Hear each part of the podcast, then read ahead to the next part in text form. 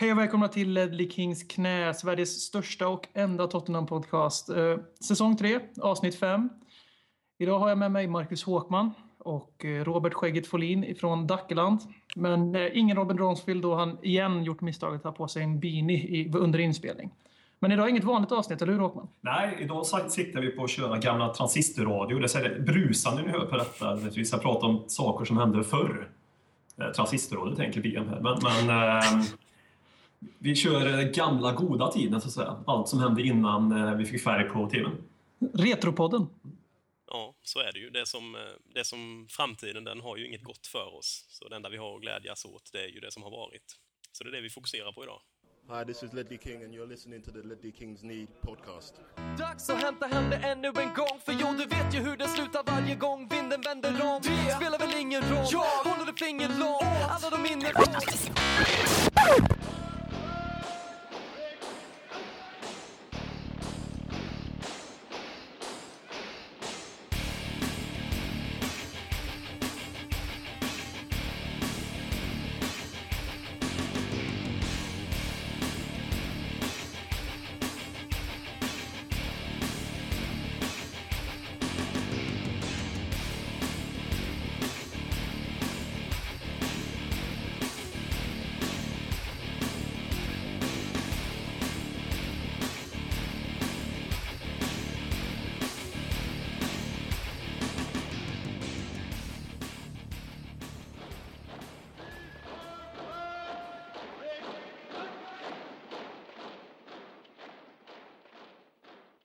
Ja, kära lyssnare, har ni lyssnat på vår superba amerikanska hiphop-jingel som inte vi kommer ihåg vem som har gjort? Ni får höra av er till Per Frickbrant.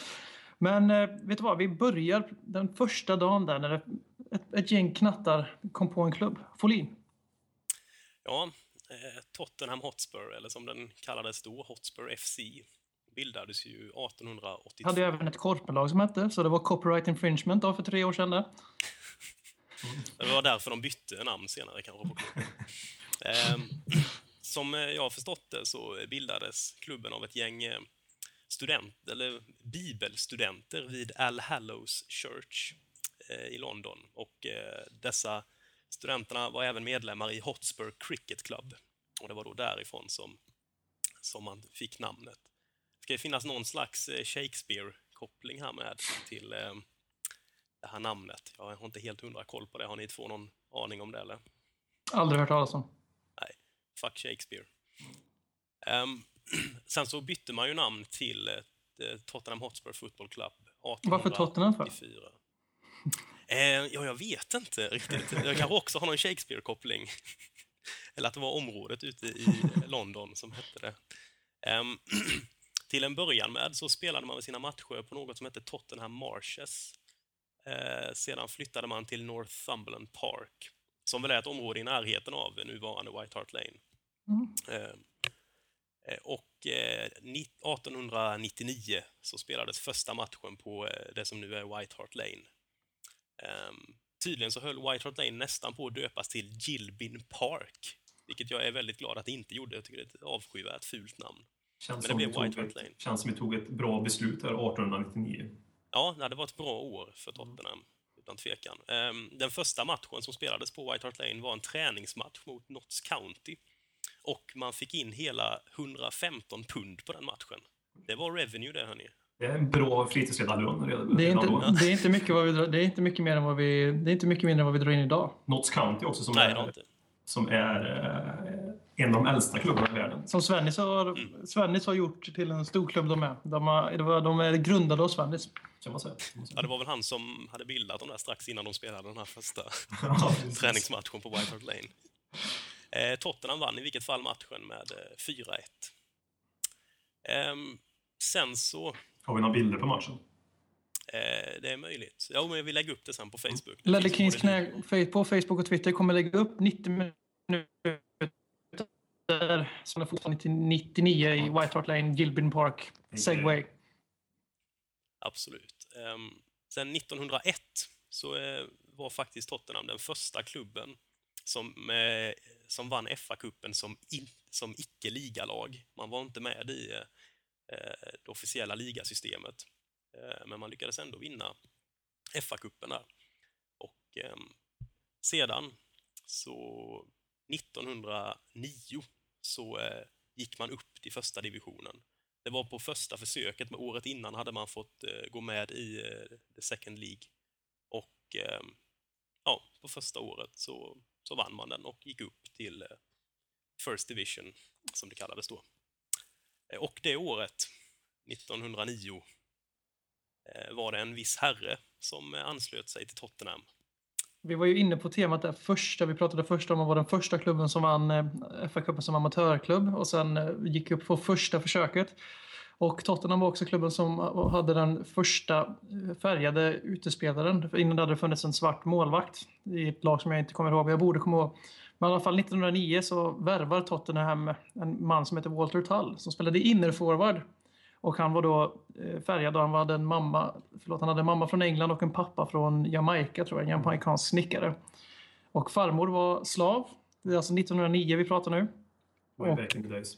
Ja, precis. Inte 2009, ni som är unga och lyssnar på det här. Och eh, ja, om vi ska sätta lite perspektiv på varför det här är rätt så stort. Så förutom det faktum att det är väldigt kul och någonting väldigt fint att bli ihågkommen för, för överhuvudtaget så är det att man är, föddes 1888 då, som Tall gjorde. Han, blev barn, han hamnade i barnhem relativt ung ålder efter att båda föräldrarna gått bort i olika sjukdomar. Och som sagt, farföräldrarna på, pappas sida var ju slavar så det fanns ju ingen farmor och farmor farfar att flytta till. Liksom. Så hans bror blev adopterad till en finare familj och blev läkare. Eller tand, tandläkare heter det. Medan Tall själv då, han valde en annan väg i livet, alltså Tottenhamvägen. Så 1-0 Walter Tull säger jag där jämfört med brorsan. Redan där och då. det är alltså 23 år efter att USA avskaffat slaveriet, 55 år efter att Storbritannien i imperiet gjort samma sak och det är 11 år före eh, Djungelbokens författare, hoppas att det här är rätt nu annars det blir pinsamt för mig. Alltså. Eh, Rudyard Kipling skrev den här ökända dikten som heter eh, White Man's Burden som handlar om det vita kallet och måste och plikten att civilisera alla andra raser i världen, vilket då används för att rättfärdiga kolonialstyre bland annat, alltså som Storbritannien höll på med. Och, så ni som inte vet så är Tottenham en del av Storbritannien. Då. Och Storbritannien de var ju ganska glada i det här att ha lite kolonier. Ja, Det här och där, lite, typ grann, över hela lite, grann, lite grann, lite grann så.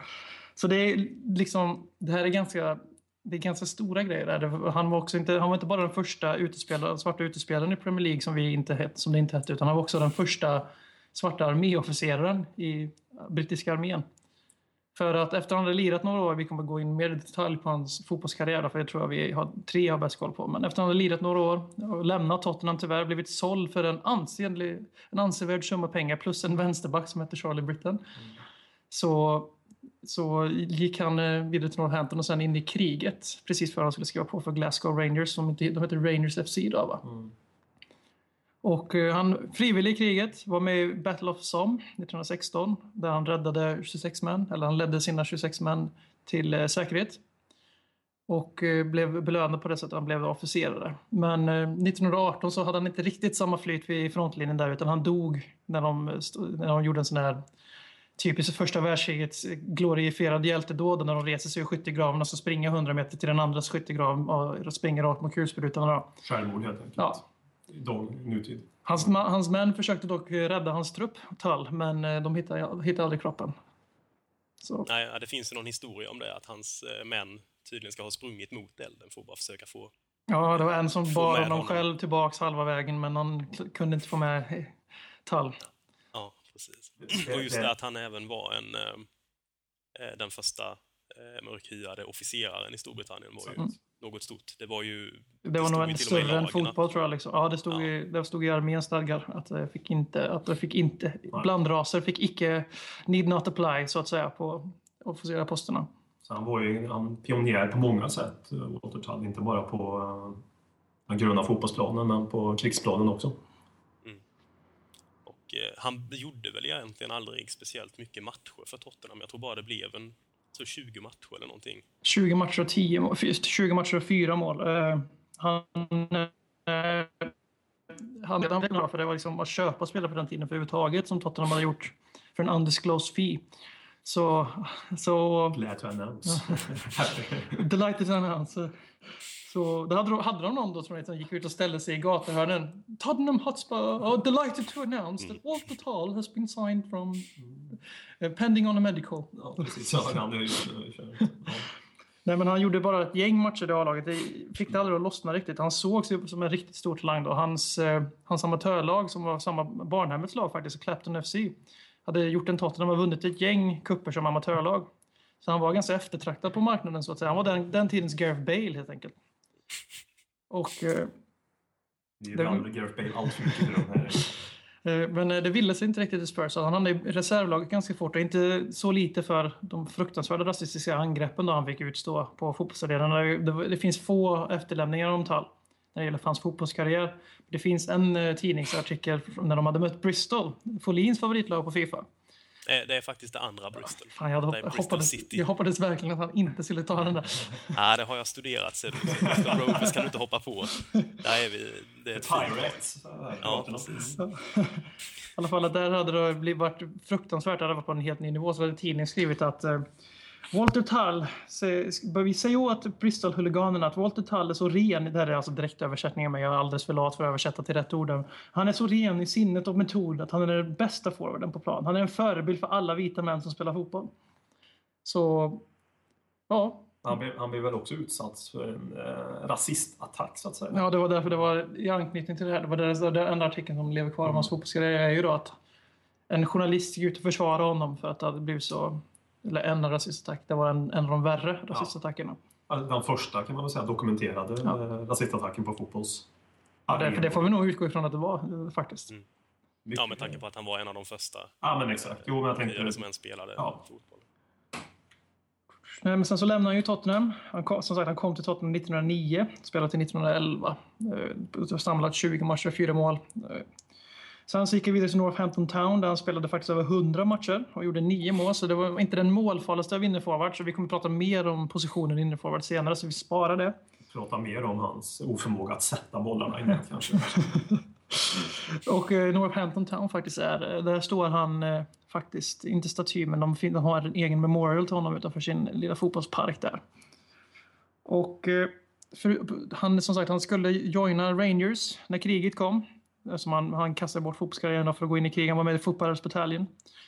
Men eh, så 2004, om jag minns rätt nu, så spelade Tottenham och Rangers eh, The Walter Tull Memorial Cup en hyllningsmatch till, till Walter Tull då, och eh, där Tottenham förlorade med 2-0 efter att Dado Pirso och Nacho Novo nätat. Det är väldigt här, väldigt, det var långt vi har kommit på de här tio åren sedan den här Memorial Cup spelades. Vi torskade mot ett lag som härförs av Dado Pirso och Nacho Novo. Och annan kuriosa med honom är att det har startats namninsamlingar av Tottenham-fans för att eh, få en staty. Det har inte blivit av då som vi vet. Och även att det har startats namninsamling för att han ska få en hedersmedalj för tapperhet i strid. Han ska väl få även ett, ett litet Som- mynt efter sig här också. Eh, sägs det väl. Ja, Ja, det, det är det är det. klart. Ja. Det ska ju släppas en uppsättning med såna... Specialmynt va? Fem, Ja, fem mynt med så här, sex personer där va? Som, Mm. Då är Walter Oj. Tull en av dem. Det är, därför han är, det är därför han är veckans profil. Absolut. Han, eh, kanske den finaste veckans profil någonsin kommer vara också. Nej, han är ju som sagt, han... eh, Han står ju så Han mycket är- mer än bara fotbollen. Det, Ja, det är just det. Speciellt i Tottenham. Eh, Jag menar, hans fotbollskarriär i Tottenham var ju inte något liksom extremt eh, lyckat om man ser till vad han presterade på plan och så. Men det är ju allt annat han står för som är, gör att han är värd att nämnas. Eh, Om och om igen. Ja, precis. Men det som vi var inne på lite där, att vi, vi snackar alltså det här är Slaveri hade avskaffats i, i lagens mening, men det vet ju alla att eh, det, bara för att man sätter någonting på pr- pränt så betyder det inte att det försvinner. Och framförallt så även om det försvinner själva slaveriet så är fortfarande rassegregationen enorm. Då. Vi pratar om det här, alltså, han föds, föds alltså innan White Man's Burden började använda för koloniseringssyften som jag var inne på. Så att för överhuvudtaget ha tagit den samhällsresa han gör är ju betydligt eh, större än vad... Jag tror inte riktigt man kan sätta sig in i den situationen om man inte har varit med om något liknande själv. Nej, och det är få som har varit som Ja. dansar omkring nu för tiden på öppna gator. Så. Jag menar, man kan ju bara se till, jag menar fortfarande idag, det är över hundra år sedan Mm. eh, han anslöt Tottenham. Eh, Och jag menar, det är ju fortfarande inte så att Att folk har jämställt. skippat att se på, eh, på folk utifrån vilken ras de anses ha. Eller, jag menar, den problematiken finns ju fortfarande. Ja. Eh, Och då kan man hoppa hundra år tillbaka i tiden och tänka sig hur det Vad då? Hur, hur det var då? Det här är alltså, jag tänker, USA hade ju laglig segregation fram till 60-talet, 1960-talet. Och då, det är halvvägs då mellan de här hundra åren du tar upp. Så han måste ju ha haft något speciellt verkligen som, som drivkraft som få förunnat. Och sen gå ut och slåss eh, liksom, i ett krig för en nation som... Ja, som han, Liksom han var second att- class citizen liksom. Det, Ja, precis. Och ändå ta sig upp till att bli en eh, officerare i, den, eh, i det landets armé. Det är Som, något. som inte egentligen skulle kunna gå att göra på grund av... Nej. eh, Ja, det är mycket, många barriärer han har flyttat på.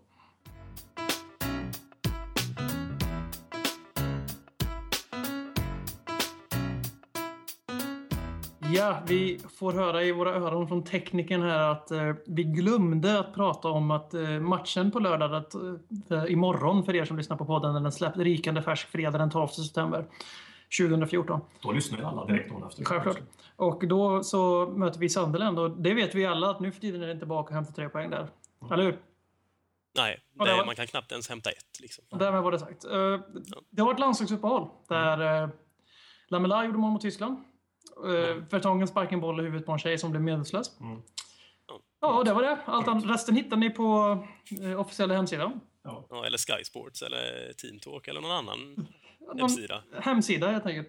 Ja, Eh, Men och det- sen, eh, I vår värld finns inte hemsidor längre. Eh, det läckte också ut, eller läckte ut, det släpptes ut ett officiellt statement om att klubben ska gå till rättegång med den här snubben som vägrade sälja marken som behövs för att bygga det nya White Hart Lane, Bill Nicholson Stadium. Eh, Så det kan ni också läsa om på hemsidan. Och eh, sen också rykten om att vi ska spela på Emirates. Och eh, ja, det finns också på hemsidan. Eller på Twitter kanske menar jag. Hotspur related. Så, då går vi tillbaka till 50-talet. ja, då fortsätter vi väl på vår resa här genom Tottenhams historia. Ehm, vi hoppar lite. 1950. Vi hoppar härifrån. Eh, vi lämnar ju vissa år här för att det ska finnas eh, möjlighet att göra mer resor i framtiden. Mm. Och lite för att Rätt det, mycket världskrig ju, emellan också. Så. det var ett par världskrig där gjorde att det spelade det finns ju ändå tid och eh, det är ändå viktigt. Vi kan ju ha ett världskrigsavsnitt. Ja, Tottenham är under världskriget. två pratar, en sitter tyst tror jag. Ja, eh, men om vi hoppar fram till, och spolar fram till eh, 1949. Då var det ju så att Tottenham eh, eh, Eh, tillsatte en manager som hette Arthur Rove. Och eh, Arthur hade ju spelat för Tottenham tidigare, 1921 började han där. Um, och eh, han var en gammal centerhalv. Och vad en centerhalv är för någonting, det kommer vi komma in på senare i programmet. Um, Arthur var ju då eh, faktiskt den som på till stor del revolutionerade hur Tottenham spelade fotboll. Ehm, han, när han tog över så låg ju Tottenham i andra divisionen. Eh, och där hade man varit sedan 1935. Eh, och man hade inte lyckats ta sig upp ur den divisionen sedan dess. Arthur tog över 1949, eh, introducerade det här som kallas för push and run-spelet. Som väl i princip var något slags eh, väggpassningsspel. Det var väl det det byggde kring, att man skulle passa medspelaren, springa ifrån sin Man- markering och få Man, slår, tillbaka. man, man passar bollen. Ja, man säger. Tar Man slår, slår ifrån, ger ifrån sig bollen, tar en löpning. Det är Ja. 99 procent av passningsspel i fotboll idag är uppbyggt kring detta. Allt Ja. AVB-fotboll helt enkelt. Just så. Och han sågs ju då som en eh, ganska tänkande manager som inte var liksom rädd för att testa lite nya eh, idéer. Och eh, det här gick ju ganska bra. Man vann ju Football League Division 2 eh, 1950 och tog sig ur den här eh, hemska andra divisionen.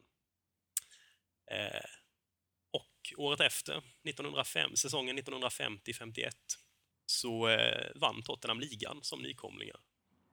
Eh, Gör om den i QPR. ja, det är väl Harry som ska göra det. Det är också en eh, väldigt revolutionär tänkare. Eh, han kör ju 3-5-2 nu för fan. Det är ju... Det är ju Med Glenn. Huddle är det väl som är faktiskt ansvarig tror jag. Ja. Jag undrar vad, undrar vad Hoddle gjorde i tidigare liv för att förtjäna att sitta där som tränare till Harry. Tillbaka till till titelvinnande Tottenham 50-talet. Ja.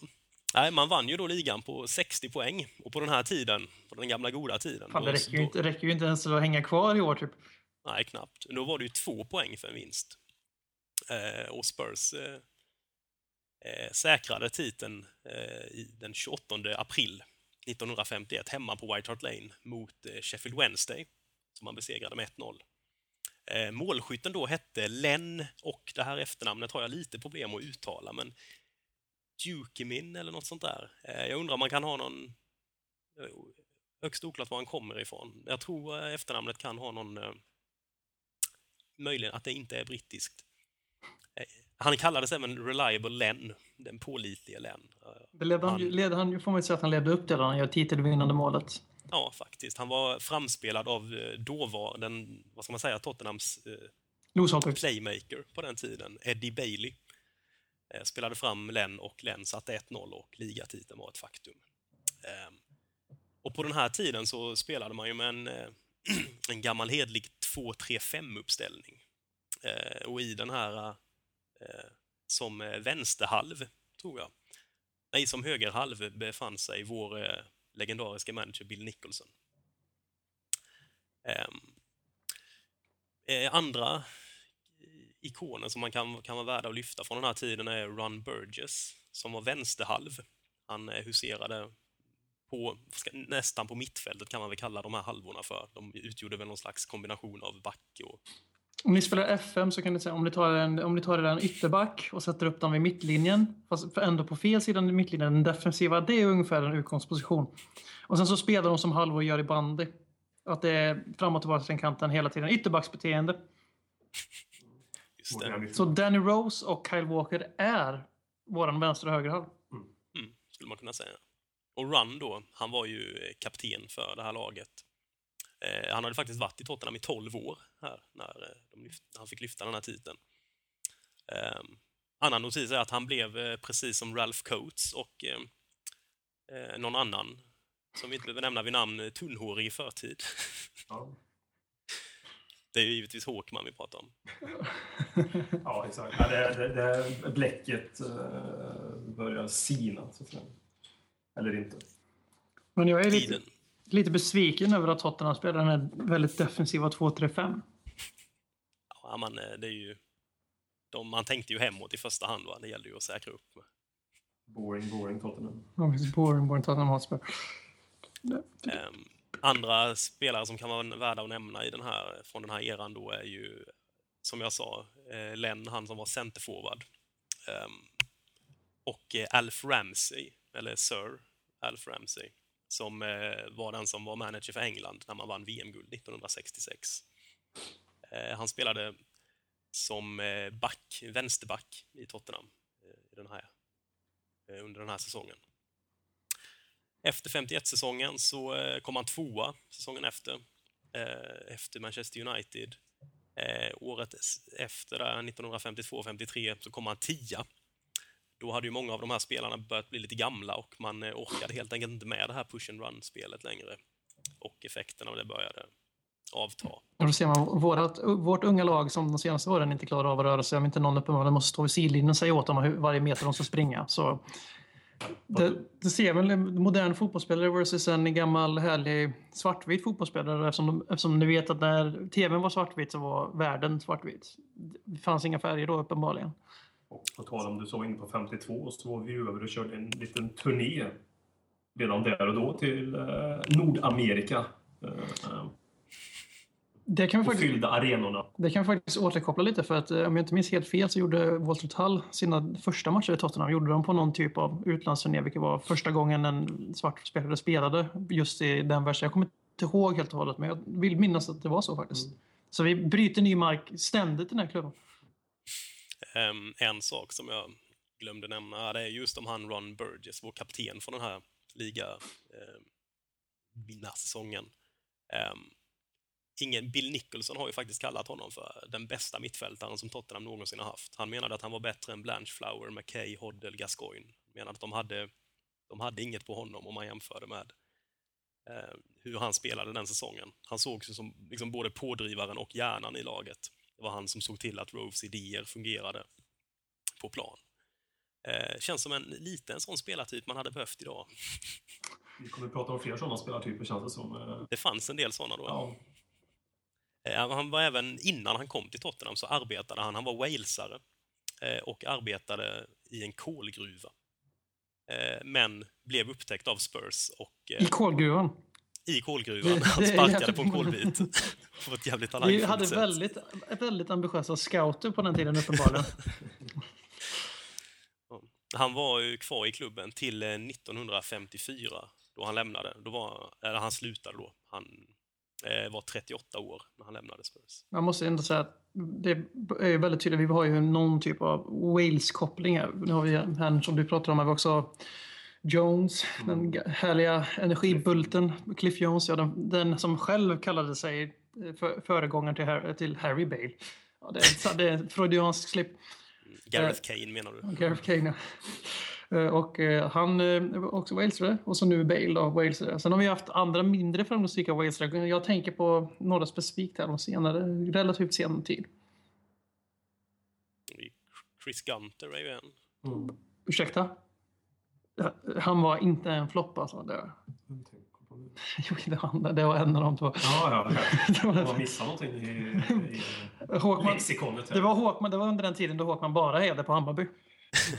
Ja. Innan vi hade tagit oss till Champions League.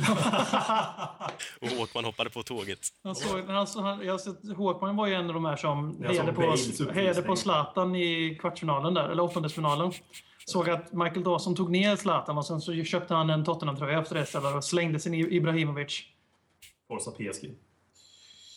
Ehm, om vi går vidare på 50-talet bara lite och släpper Håkmans eh, Glory Hunter-fasoner ett tag. Så 1954 så anslöt ju en eh, Danny Blanchflower eh, sig till Tottenham.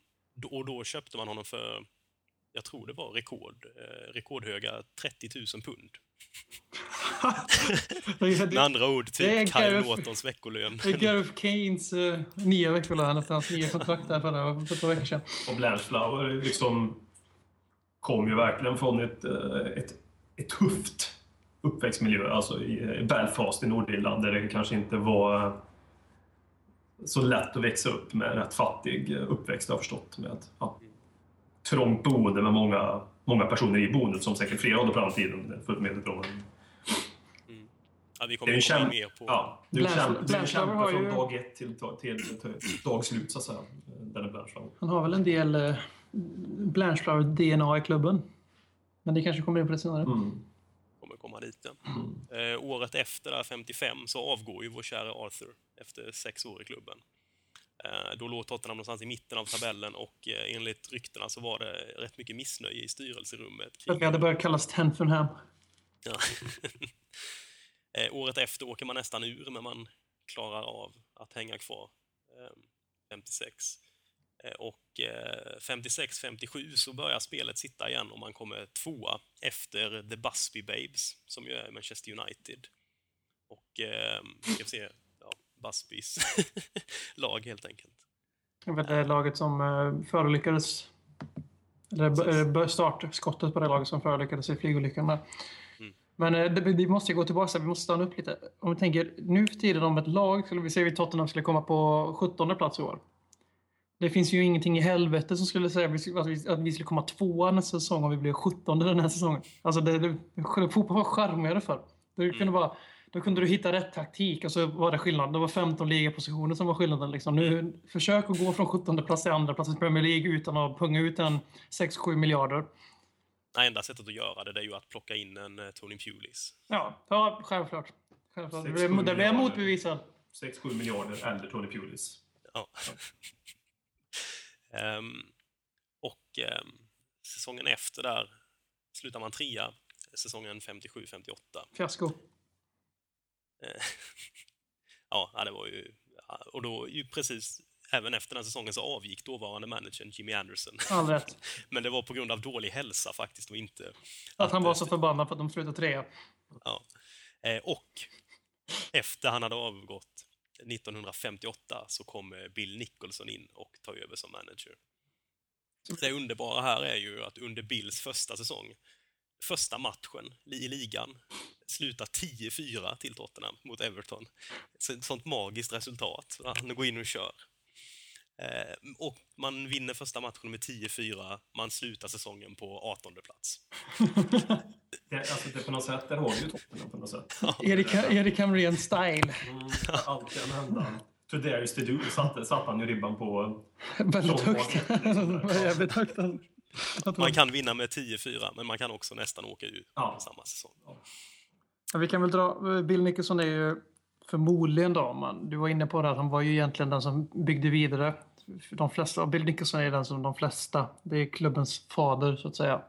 Han är också den som klubben själva har valt ut som klubbens fader. Liksom. Ja, det. Och det är ju, väl, kan väl ha med att göra att han jobbade, jobbade han i klubben till Alltså, han var ju i olika roller fram, fram till 2000-talet va, till och med. Mm. Hans akt, alltså från det att han gick från som spelare till han slutade från manager i Tottenham så var det väl 38 år. Ja, Och sen så jobb, vet jag att han eh, har jobbat i andra funktioner efter det också. Ja. Så det är lite därför han, men att vi kan väl dra några mer så vi slipper prata om det sen, vi ska gå igenom mer på hans lag. Vi, Bill Nicholson, ja det är han som är hyllast på årets matchtröja. Eh, ja, det är Bill Nicholson som introducerar gult på matchtröjorna som det står när man ska klicka hem en Nabil Bentaleb i den nya shoppen.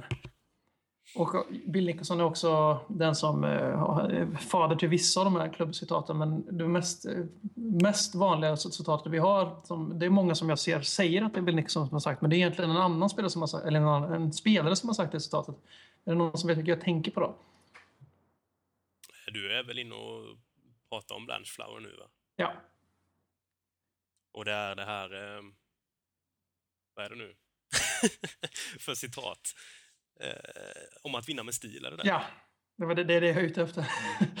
the game, the game it's, about be, it's, it's about winning with flourish, uh, not by boring the other team to death eller något liknande. Jag, jag borde kunna det rakt på rak arm, men jag hade räknat med att Håkman här som faktiskt var där när det här sades första gången skulle Mm. kunna rabbla upp det då, men det var fortfarande på hans eh, Färjestad BK Days. Pausa före Håkman hinner säga någonting till svars. Ja, vad Håkman var det att säga om, om eh, Bill och Danny? Hur var det att följa dem på den tiden? Eh, Ja, nej, men det, man fick Ha, för, hade, du dem, för, hade du dem på Twitter eller? det skulle vara roligt att veta vad de hade skrivit på Twitter. Ja, Jag får bilden av Danny Blanchflower, en sån här som skulle, skulle bara skriva Tourettes-liknande tweets. Typ fuck! Eller att, Sack this Portuguese cunt. Eller att han skaffade Twitter 2010 och så ser man fyra tweets han kanske också. Han har viktigare saker för sig än att hålla på med Twitter. Bill Nicholson skulle vara en sån här, han skulle bara lägga, han skulle bara lägga så filosofiska uh, immense dimension. Alltså, det som är viktigt med de här, alltså det Blanchflower intresserar mig lite som... eh, Det är, det är väl en av de största i mitt tycke, även om man... Ifall det är någon inte förstår det så har jag inte upplevt dem, så att. Eh, Men så är det ju ändå. Håkman är född 79 för framtida referenser. Ja, precis. Ja, så, så, så är det ju en av de, en av de stora legenderna vi har i klubben. eh, Till, alltså, man får, men det finns ju ett antal till naturligtvis som är inom eh, samma nivå, kanske någon jag tycker är högre upp också. Han symboliserar ju så väldigt mycket, han hade ju den där symbol- symboliken med att att man ska vinna med stil, man ska inte bara vinna på the Arsenal way så att säga.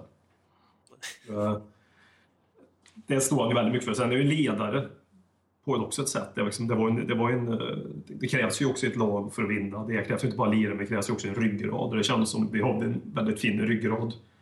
Precis det vi inte 60-talet. har nu för tiden. Då är en annan, en, kanske en ännu större favorit för mig, Dave McKay så att säga. Där, där pratar vi ju riktig ryggrad, även om inte han var El Capitano, utan kaptenen var ju Danny Blanchflower.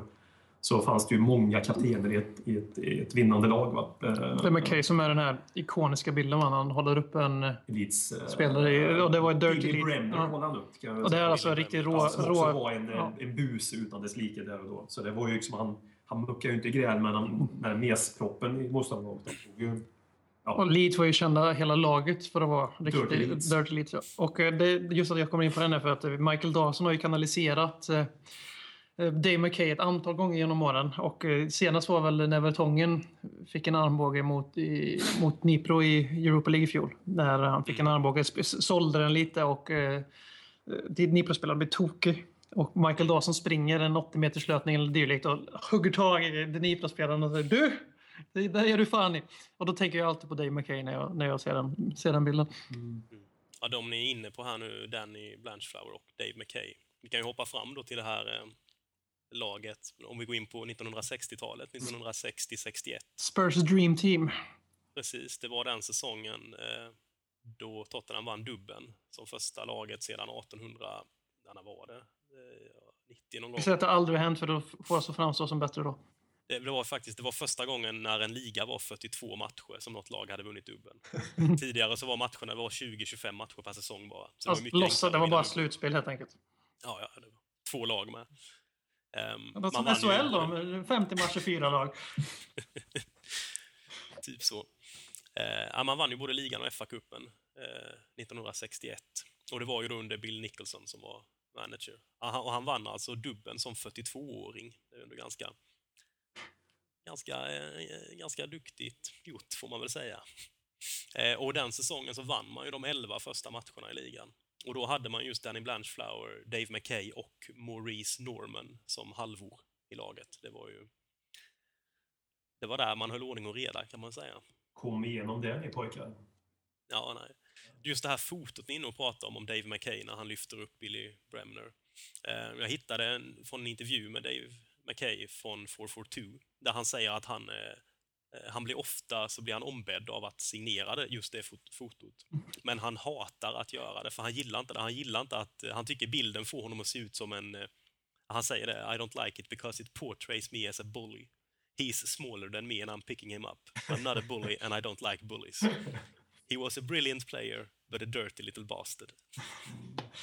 Ja, det, det sammanfattar väl honom väldigt fint där.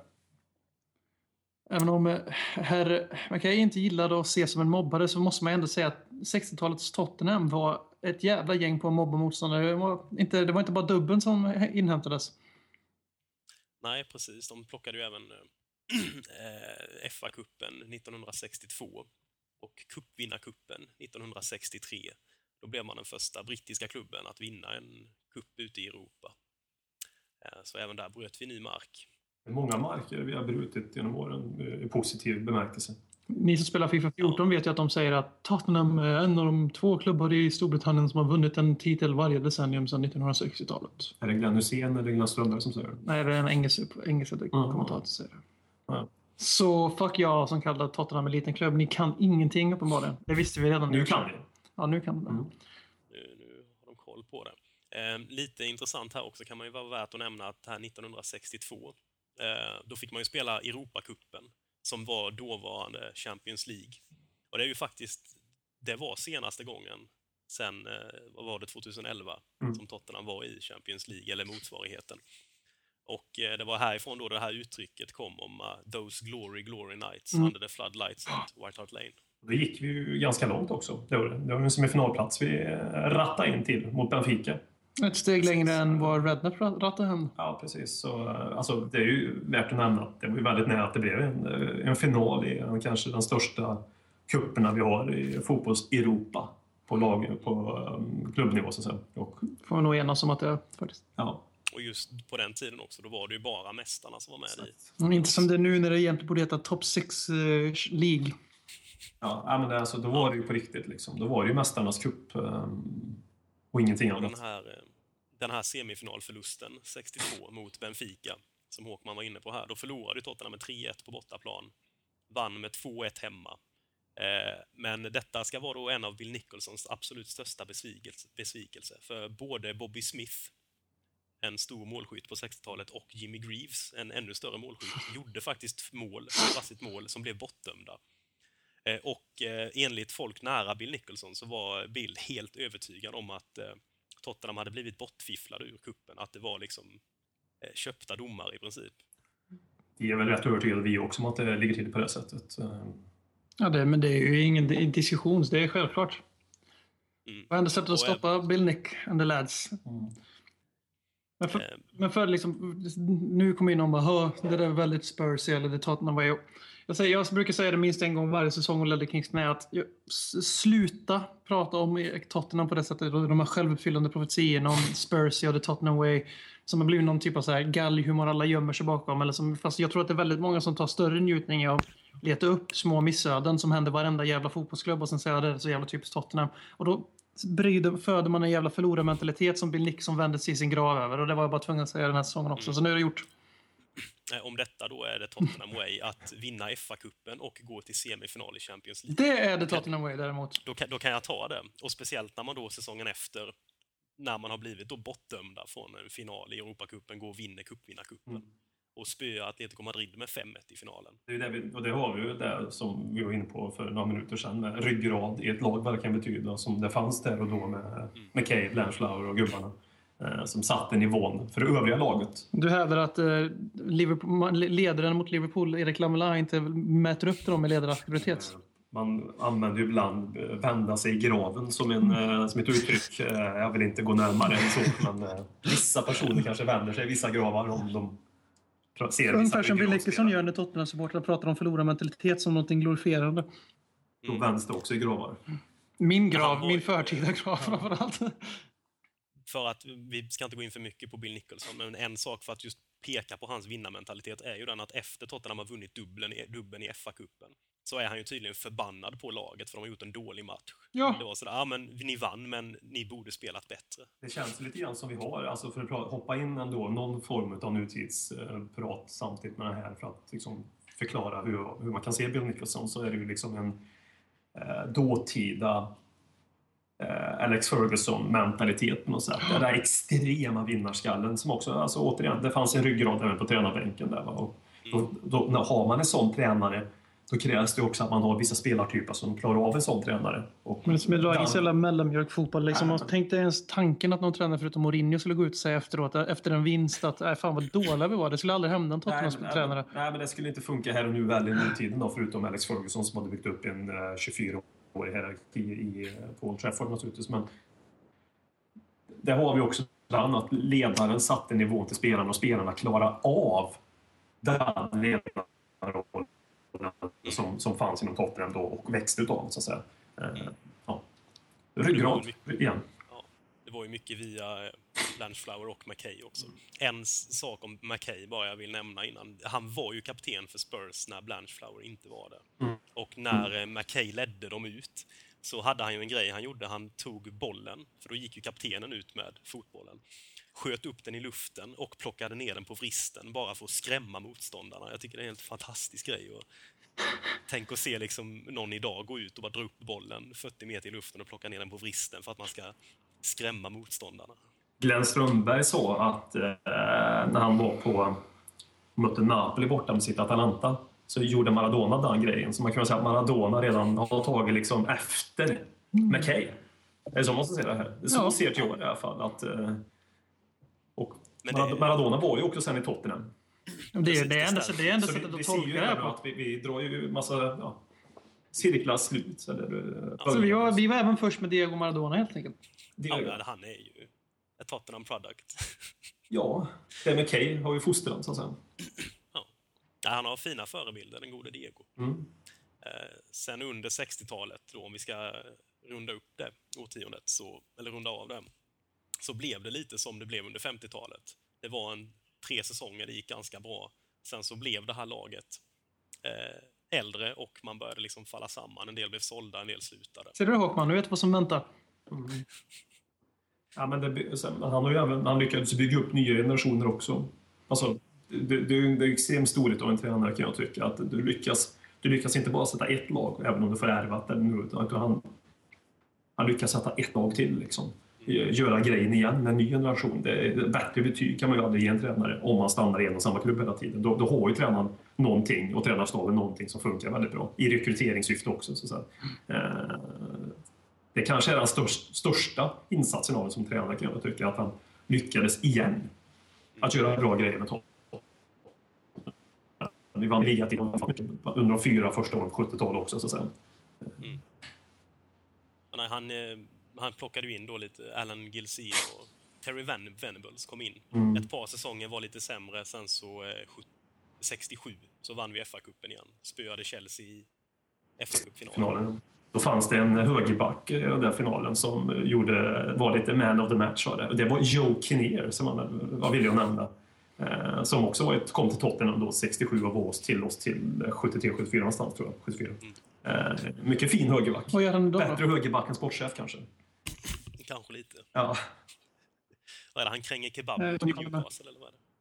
Ja, precis. Newcastle-fansen tycker att han och Pardew är den bästa sportsliga ledningen de har haft någonsin. Det har jag hört från mycket sen som är på Newcastle. Ja, de här, Newcastle-fansen kan egentligen gå till... eh, Ja, be lite om ursäkt, tycker jag. Kinnér bör, eh, bör ses. Ja, på riktigt. En fin högerback i alla fall. Ehm, och en spelare till från 60-talet som man bara måste nämna är ju Jimmy Greaves. Mm. Nu har jag nämnt honom. Ja, men en gång till. Det är ju vår Två omnämnanden. Really? Två? Ja. Men- Jag tycker, vinner man, eh, vinner man skytteligan så många gånger som han gjorde... Dra, dra hans namn lika många gånger som han vann skytteligan. Usch. Jimmy Greaves, Jimmy Greaves, Jimmy Greaves. Jimmy Greaves, tror jag. Ja. Fyra gånger så tror jag där. det var. Sen var han ju Milan och spelade också, den gode Jimmy. Då tar vi bort den. Jimmy Greaves minus. Ja, det är det. Ja, men alltså, pionjär även där. Åker till Italien och spelar fotboll. Det var väl inte direkt vardagsmat. Grenoli. I det engelska samhället. Grenoli. Och de engelsmän. Grenoli. Eh, Den här balkongen som VM kanske flyger genom snart är eh, mycket möjligt. Eh, nej, men Har ni några andra tankar här om, om gubbarna på 60-talet? Nu tycker jag vi lämnar golvet. Du, jag och Flodin går iväg en tre, fyra dagar och sen så kommer vi hämta Håkman när han ska prata om sitt 70-tal. Mm. Det får bli, det får bli, den, 70-talet. det får bli den väldigt långa, långa varianten av Håkman Show den här veckan. Vi kommer att prata om... Eh, vad tänkte du säga innan där, Robert? Du hade någonting på tungan. Vi har ju en eh, liten inspelning här med en herre också. Som ska komma in någonstans. Kanske, den- kanske den finaste, eller kanske, det är den finaste delen i dagens eh, Löddekingens knä, säger jag här och nu. Den gammel-Håkman kör. Allas pappa ska vara med och köra nu. Ska vi klippa in till intervjun med allas pappa då? Ja. Då gör vi det.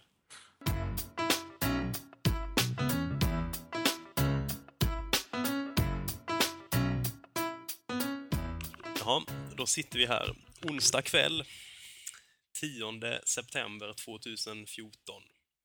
Eh, jag får säga välkommen till eh, Ledley Kings knä, eh, pappa. Tack. Ehm, vi har ju som sagt den här veckan så gör vi ett avsnitt som, ehm, som handlar om Spurs historia, eller egentligen ehm, eh, historien fram till eh, 80-talet. Och vi tänkte att du var ju med tidigare än oss andra i alla fall. Ehm, och ehm, ja, du kan väl börja, du kan väl börja med att berätta lite, hur ser din fotbollsbakgrund ut?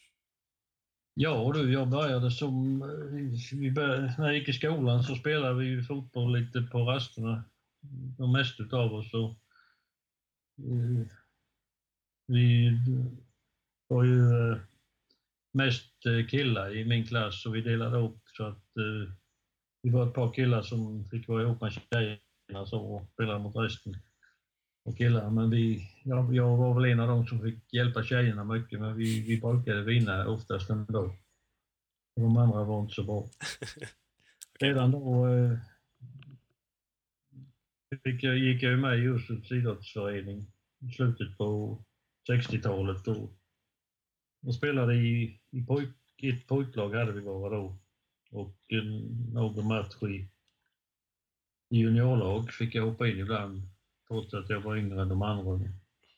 Och sen spelade jag i, i B-laget eh, 1968 vill jag minnas, jag gjorde min första match. Ja, Och eh, ja fortsätt. Eh, ofta spelade vi ganska tidigt på söndagarna så jag minns eh, ett par tillfällen vi, vi hade svårt att få ihop elva man så vi åkte en runda i byn för att se om det var någon som kunde hänga med. Det var ju många som var dagen efter. De Det hade, varit lite, det hade varit lite kalas dagen innan. Ja, det hade varit lite kalas. eh, Uppenbarligen så. Nej, och jag eh, tränade väl inget kontinuerligt då för jag hade ju en och en halv mil till, till fotbollsplatsen och, och mina föräldrar de jobbade. Jag hade svårt att ställa upp och skjutsa så. Ja, sen gick jag ju skogsskola så 70-71 och på hösten 71 började jag vara med och, och träna lite ordentligt. Jag fick mitt körkort och så, då, så då var det helt andra förutsättningar. Och sen eh, vår, vårsäsongen 72, då blev jag väl ordinarie i, i A-laget och, och var med då den säsongen. Spelade i A-laget och hoppade in gjorde någon B-lagsmatch med. Sen blev det några säsonger i, i Ursult och på annat håll också. Jag spelade då 72, 73, 74. Sen gick jag över till... Det var då i samband med att jag gjorde lumpen fick kontakter med andra föreningar. Så alltså, det var ett lag som ville värva mig till division 3 men eh, det, det, på den tiden så var man ju liksom det... Man var, klubbarna kunde be- begära pengar. Det var ju inte Bosman eller sånt fanns ju inte då utan man var ju liksom låst och lite livegen om man så säger. Mm. Var man helt då, eh, man var låst till klubben. De hade Ja. registrerat dig så du kunde inte gå därifrån. Ja, Liksom. Precis vad de ville.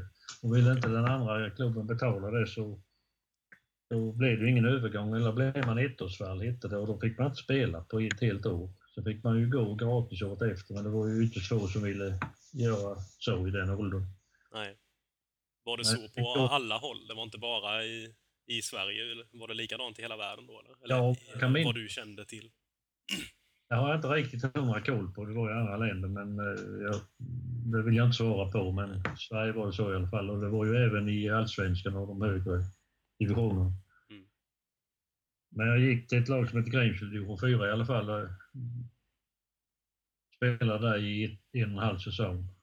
Mm. Sen, när jag åkte ur fyran och då hade jag mina kompisar i huset som låg på mig och ville jag skulle gå tillbaka så 1976 på sommaren gick jag tillbaka till Ursult. Sen spelade jag resten av min karriär där. Mm. Och både Ursult och Grimslöv då ligger ju nere i, i eh, södra, mellersta Småland kan man väl säga. Ja, vi spelade i eh, division 4, Småland sydvästra hette det. i- Det var lag eh, typ Värnamo, Smålandstena, Älmhult, Gnosjö. Mm. Så hur kom det sig då att, eh, att man som fotbollsspelare nere i södra Småland på 60-talet började följa Tottenham Hotspur? Ja, eh, en bra fråga. Jag har ett minne av att eh, de var ju duktiga då 60-61 de vann dubbeln. Och jag vet inte hundra men man, man, man fick ju aldrig se några matcher eller så på den tiden i TV men däremot visade de lite vignetter i Sportnytt och det är klart de berättade ju då att Tottenham var väldigt duktiga och då kanske man lyssnade och tog åt sig det. Mm. Sen var det ju det här med min mamma hade någon veckotidning som hade seriefigurer som heter Knoll och Tott och jag tror jag associerade Tott där till fotbollslaget också. Ja, du kan inte varit så gammal eller när du, när du läste dem? Eller? Nej, jag var åtta år. Jag är född 53.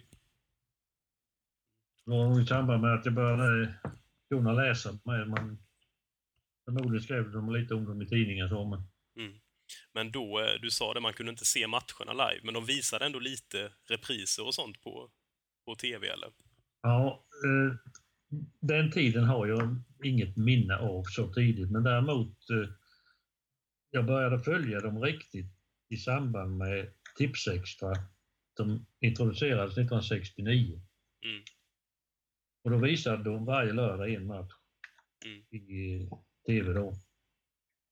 Och den första matchen jag minns jag såg Tottenham, det var 1969 på hösten någon gång. De spelade mot Coventry borta, förlorade med 3-2. Jag minns att Jimmy Greaves gjorde ett mål. Det är det eh, tidigaste minnet jag har från en match jag sett på TV. Mm. Hur var det innan eh, TV-matcherna och så då? Följde du dem på något annat sätt? Eh, hur fick man, eller om, om matchen inte gick på TV, hur fick man tag i resultaten då? Eller hur, hur Ja, gjorde det man som supporter? dags för kvällstidningar. Mm. Och man såg eh, resultaten då. Hur var det med eh, radiosändningar och sånt? Fanns det, gick det någon gång att lyssna på någon kommentator, kommentator prata om matchen eller så? Eller det var bara... Nej, inte för engelska matcher, det har jag inget minne av. Nej. Så det Inte var... på, i svensk radio, men däremot vet jag senare, då eh, lyssnade, lyssnade man ju på eh, engelska kommentarer och man hittade den frekvensen. Mm. Det har ju hänt också. Så man kunde få in, om man hade lite flyt, så kunde man få in någon match på, eh, från England. Ja, jag minns ju 82 när de spelade omspelet i fa Cup-finalen mot Manchester City. Då visade de den första i TV. Den slutade 1-1. Men repri, omspelet visade de inte, utan det låg jag och lyssnade på i radio på kvällen. Okej. Var det då när Villa gjorde sitt, sitt mål? Precis. Um, är vi inne på det här med olika spelare och så, vad har du några, har du några favoritspelare från så 60-70-talet Ja. i Tottenham som du...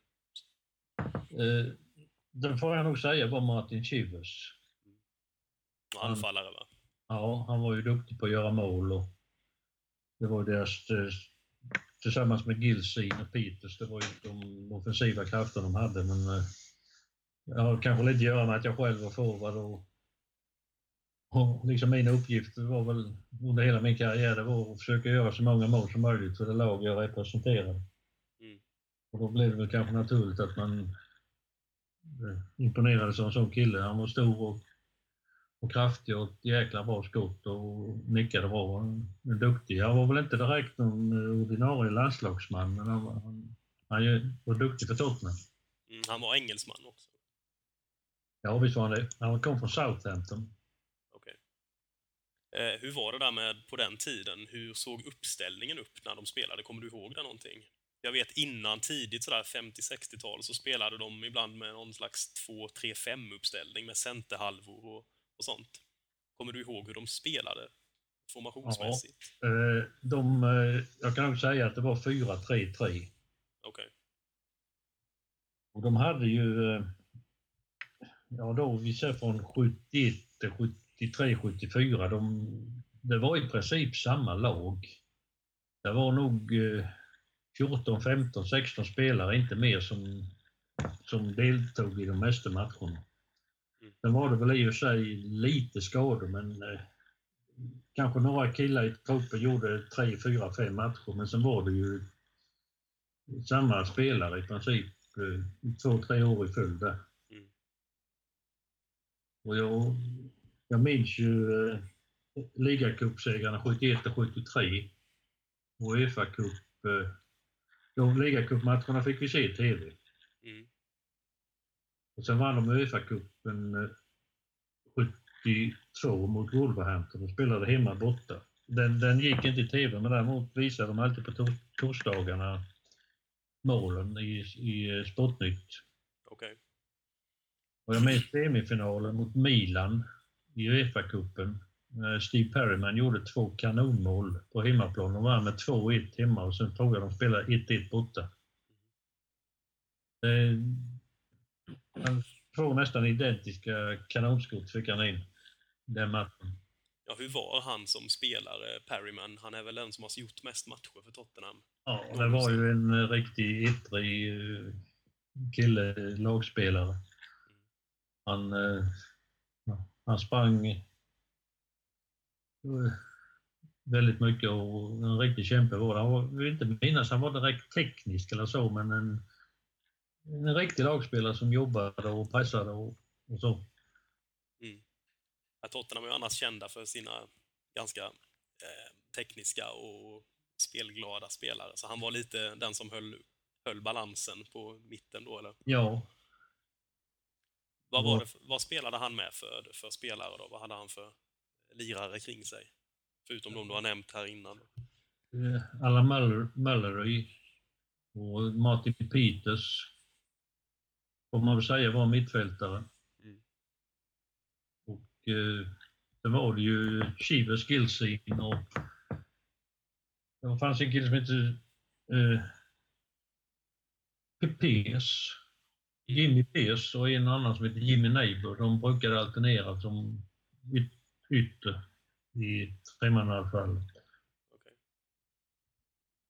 Ehm, och vad skulle du säga är ditt eh, starkaste minne från, eh, säg 70-talet då, för det är väl då du mest har, eller även slutet på 60-talet. Vad är ditt starkaste Tottenham-minne därifrån? Ja, det är väl de här eh, ligacupsegrarna och Uefa-cupen Mm. 72. Och sedan så har man ju också minne av, eh, jag tror det var 77. De, då åkte de faktiskt ner i division 2, på vad det hette då. De åkte ur högsta ligan. Och då, visst, det är ju inget roligt minne, men man kommer ihåg det. Mm. Men de gick ju upp direkt och då 78 på sommaren så värvade de Adiles och Ricardo Villa. Mm. De var ju nykomlingar igen då. Och det skrev de ju mycket om i, i svenska tidningar så med. Det var ju en rätt stor grej för då, det var ju inte så vanligt med, framförallt inte sydamerikaner och så i engelsk fotboll. Nej. Ja, de kom, de hade ju, kom väl ifrån att ha spelat VM för Argentina också. Ja, de var ju Tottenham. de vann ju det på hemmaplan 78, de slog Holland. Mm. Just det. Ja, det är ju en sak du är inne på där, lite skillnader från idag. Det är ju, idag är väl eh, liksom britter i minoritet nästan i Premier League. Fanns det några andra stora skillnader på hur fotbollen var då och hur den är idag? Ja, visst. eh, Först och främst får man säga att eh, planerna var ju betydligt sämre med det.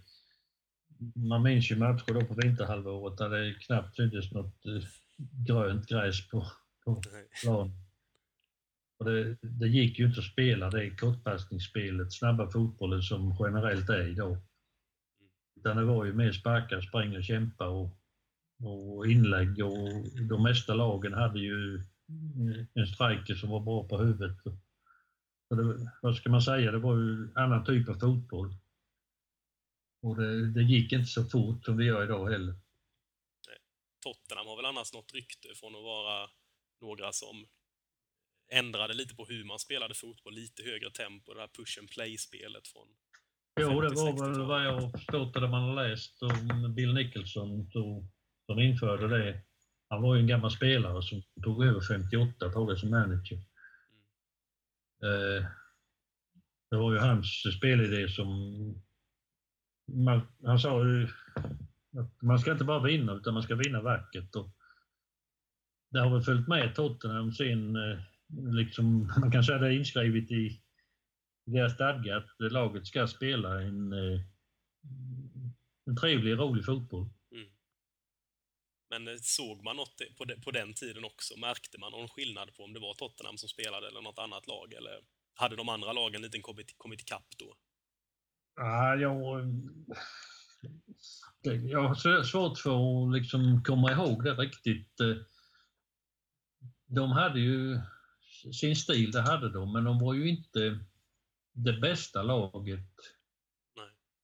i England. Utan på den 70-talet där var det ju Leeds som var väldigt dominerande i några år då. Och eh, även Liverpool. United vill jag minnas var inte riktigt så starka på den tiden. Arsenal var väl ungefär i nivå med Tottenham. Mm. Men, eh, Där den säsongen du var inne på där, eh, när Tottenham åkte ur eh, högsta serien, det var väl eh, 67, eh, 76-77 tror jag de åkte ur. ja. Ehm, vad var det som hände där egentligen? För tidigare år hade de väl ändå eh, varit med ganska så... De hade väl inte varit nära på att åka ur i alla fall? Nej, det var ju han, Nicholson slutade ju 74 och det var ju några stycken olika manager då. De, riktigt vad som hände där i klubben, det har jag inte koll på. Men eh, det var väl lite olika meningar och de fick inte ihop det helt enkelt där. Och sen om det ekonomiska problem, det vet jag faktiskt inte. Det var det Ja. även i samband med det som, eh, som Pat Jennings lämnade. Ja, precis. Han var ju bara strax över 30 år, men av någon underlig anledning så sålde de honom och köpte in en ny yngre kille. Mm. Nej, Marcus här som, som är med, med Håkman, som är med i, i podden, han undrade om, eh, är inte Jennings egentligen en liten förrädare eller en Judas? Men vad har du att säga om det? För jag vet att du inte riktigt tycker det väl? Nej, vad, vad jag har uppfattat om, angående honom så ville han aldrig lämna Tottenham, men det var de mer eller mindre tvingade bort honom. Mm. Så har jag förstått det. Han, han, han jobbar ju för Tottenham nu, vad jag Ja. förstår. Och vi, vi stötte ju på honom där ute på eh, träningsanläggningen när vi var där Ja, precis. tittade. Han är ju fortfarande associerad med, mycket med Tottenham. Jag har minne av att jag läst ett uttalande från honom att, han, eh, att det var så att han ville egentligen inte lämna dem, men han kände väl att han inte hade något förtroende för det var väl den managern då. Vilken det nu var, det kan jag inte svara Jag tror det var eh, Birkinshaw faktiskt som var... Jag tror han åkte ur med dem men stannade kvar och sen så tog han upp dem igen. Ja, Eh, i Birkinshaw var det. ja. Han lämnade väl sen. Eh, det är ju på 80-talet någon gång. Men det var väl också lite halvbråk i hur det gick till. Han var inte riktigt nöjd med styrelsen eller hur det var. Nej, han lämnade efter... De vann eh, Uefa-cupen 84 igen. Mm. Och, och eh, finalen mot Anderlecht, den avgjordes på straffar. Det tror jag var Keith Birkinshaws sista match. Mm. Och även Steve Archibald, vill jag minnas, lämnade efter den matchen. Han var, var han också, han var anfallare med va? Ja. Han var en, en skotte var det. Ja. De, de köpte 80-81 den säsongen på sommaren. Mm. 80 då köpte de både Archibald och Gart Crooks. Ett nytt eh, forwardspar där. Mm. De var ju duktiga på att göra mål bägge två. Ehm, annars då, om man ser på eh, To- Tottenham då och Tottenham nu idag. Är det någon spelare från den tiden, tror du, som hade klarat sig bra idag? Eller, eller tvärtom, finns det någon idag som hade haft det svårt förr i tiden, tror du? Ja, En, en bra och en svår fråga. Det, det som jag sa innan, det är ju helt... Det, fotbollen har ju ändrat sig också. Eh, Som jag sa innan, det går ju mycket snabbare idag och de tränar mer och så. Det, jag, jag kan nog inte direkt eh, svara. Det är en hypotetisk fråga som Ja. Det är svårt att svara på. Ja, det var lite mer, lite mer bira på den tiden också, tror jag, de drack, va? Spelarna.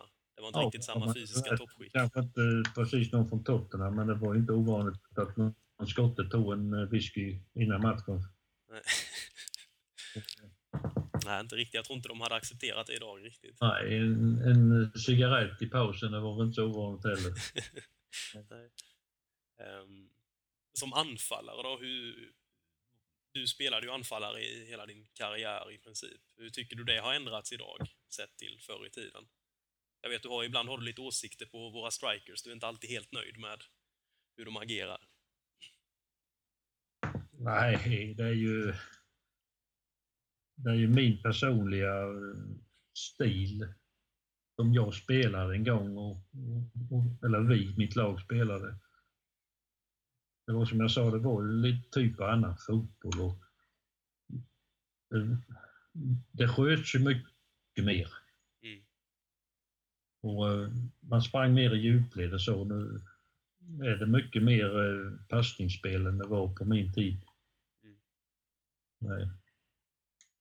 Och eh, yttrarna kom upp och slog inlägg och många lag hade en striker som, det som var bra på huvudet och så. Visst, det förekommer väl idag med, men inte, det är helt enkelt en ganska stor skillnad på fotbollen. Mm. Är drygt 30 åren sedan jag slutade. höll på. Det var väl en ganska annorlunda supporterkultur då också i England. Det var mycket mer folk på ståplats och sånt på arenorna har jag för mig. Ja, ja, men så var det. Det var ju, det var ju nästan så att sittplatser var ganska ovanligt. Mm. Man, man fick ju inte samma inblick i eh, hur arenorna såg ut då, slut på 60 början på 70-talet, som man får idag. Nej. Utan det var liksom att det var Bengt Grive eller Putte Kock eller någon som bara sa att nu är vi här och här och nu, de spelar. Och, och det fa Cup-finalen så minns jag de rabblade upp vägen till, till finalen och talade om motståndaren de hade slagit ut. Mm. Man fick ju inte några intervjuer av spelare eller så innan matcherna. Märkte man något på den tiden? För det var väl Lars-Gunnar Björklund som var med och eh, startade upp Tipsextra, va? Ja, det var väl han som var den mest drivande. Ja. Märkte man på något sätt att han var Tottenham-fan? Ja, det han, han sa ju det i alla fall. Men han liksom... eh, Vad ska jag säga? Han... eh, jublade ju inte eller så i, i, i studion när Tottenham gjorde mål. Han kunde hålla sig. Rätt så neutral när han kommenterade matcherna. Vad var det mer för gamla sköna lirare som var med då? Var det primärt, eller var det främst eh, Björklund eller var det andra som... Ja, det var Björklund. Sen hade han ju olika gäster och så. Det, det har jag lite svårt för att peka ut dem precis nu, men det, det var inte bara fotbollsspelare minns jag. Det kunde ju vara någon friidrottare eller någonting, vad som helst, som var gäst i studion. Sen var det en eh, som var duktig på att teckna. Han, men jag minns inte vad han hette. Han, han gjorde alltid en eh, karikatyr av någon bra spelare i något av lagen som skulle spela innan matcherna. Okej. Och visade upp. Ja. Sen var det ju så med på... eh, Det var ju sällan man... eh, Man kanske fick se Tottenham en till två gånger om året i TV. Mm. På början på 70-talet. Och nu eh, kan man ju se i princip varje match. Ja, ja, nu idag blir man ju nästan besviken om man inte lyckas se eh, Limassol Tottenham när Ja, det spelas. Det har hänt rätt mycket. Nej, det var väl en, en bra liten sammanfattning om hur det var att vara supporter till Tottenham på 70-talet. Är det något annat som du tänker på från den tiden som du vill? Nej, men generellt, eh, varför man håller så på ett lag, det kan jag inte riktigt förklara. Utan det. Man har ju alltid eh, kollat eh, resultat och eventuella nyförvärv och så. Man följer det här laget till 100 procent. Och varför det har blivit så, det är, det är svårt att svara på. Det är som ett gift i kroppen. Ja, det, det, det kan man ju kalla det för. Ja. Ehm, hur var det med transfers och sånt på den tiden? Eh, var det lika tydliga sådana här transferfönster då med, eller fick man köpa lite när man ville, eller hur funkade det? Nej, då, jag kan minnas så var det väl ingen stängd period där. Ja, det var nog någon månad innan serien skulle färdigspelas på våren. Mm. Men där, de kunde köpa när som annars. Ja, okej. Mm. Och vad, var, var, eh, var det Ricky Villa och Ossi Adile som var de häftigaste värvningarna som du upplevde på den tiden, eller var det någon annan värvning som stack ut också? Nej, då på 70-talet är väl... Ja, det var ju slut på 70-talet, argentinarna, men eh, i början på 70-talet gjorde de inte... Det var ju Martin Peters då, 70. Sen var det väl inga direkt kända namn eh, på flera år där. Nej. Och de tog inte in många något år heller. Sen, ja, det var ju då när det började att hacka för dem. Då värvade de ju kanske tre, fyra stycken per säsong, men det var aldrig några direkt stora stjärnor. Mm. De hade kanske inte de resurserna som de absoluta topplagen hade då heller. Sen senare fick de ju vara med på 80-talet. eh, Lyckades de ju värva duktiga spelare som typ eh, Chris Waddle och Paul Gascoigne och Mm. Gary Lineker, Klinsmann kom ju senare. Mm. Och det var ju inga dåliga spelare i alla fall, men de, de har tydligen inte lyckats få ihop ett fulländat lag. Så de har ju inte vunnit ligan sedan 61 i alla fall. Nej, det, det var en lång väntan. Ja. Vi får väl se hur det blir med det i, i framtiden. ja. Men, eh, nej, men det var väl ett bra snack om eh, Tottenham från 70-talet. Får Ja. tacka för att du ställde upp på det här. ja, men det är bara kul. Och, Ja, tack så mycket. tack.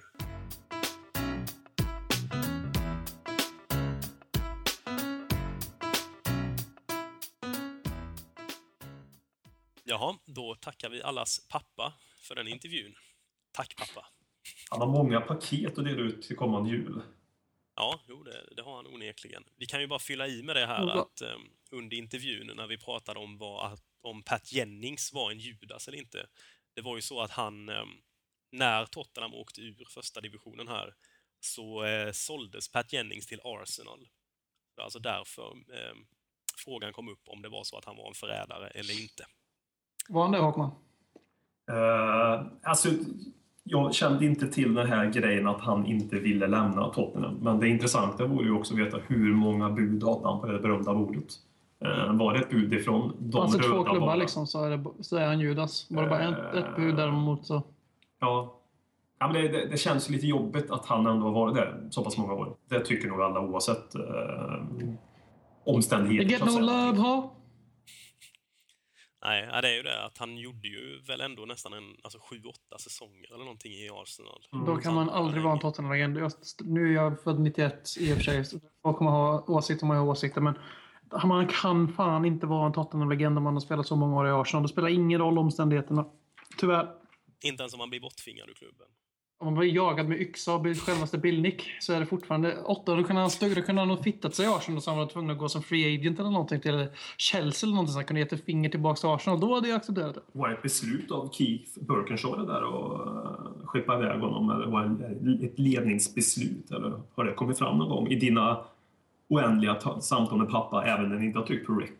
Nej, det, det som jag minns att vi har pratat om, pappa och jag, när vi har pratat om eh, Jennings, var just att klubben, om det, om det innebär styrelsen eller managern, det låter väl kanske lite mer som eh, styrelsen, tyckte att han helt enkelt hade blivit för gammal, men han var ju bara en 30 år eller någonting, 30-31. Ja, Ja, precis. Men man ville satsa på något yngre när man hade åkt ner i andra divisionen också. Kanske på ganska saftig lön också. Ja, möjligt. Bränna ner och bygga om så att säga. Ja. När man ändå har... Liksom det, nej, jag, jag personligen har svårt att känna några varmare känslor för honom på grund av det också. Och för det faktum att jag är född 91 och när han var ungefär 300 år gammal. Men ja, Igen föddes ju när det fanns eh, en bäst annan legendar i klubben. TV1000 och sånt där. Så, Man gör, gör den förstörda generationen. Vi föddes med... När vi kom ut på BB så var det Twitter i näven och... Face down-generationen som eh, Och- kloka människor har kallats för. Väldigt kloka människor förut. Är du en face down-generation? Självklart. Det, jag sitter ju här med min telefon på flygplansläge medan Marcus Håkman, 35 år, sitter och kollar på Facebook varenda sekund han får tillägg, tillfälle. Eh, ja. Jag har inte ens Facebook på telefonen. Ja, Jag är så jävla hipster och cool. tack snälla. Ska vi gå in då på 70-talet mer i Ja, detalj? Ska vi låta Håkman, det är ju ditt, eh, det är ju ditt årtionde Håkman. det är så det är sagt. Talkman show, Talkman show, Talkman, Talkman, Talkman show.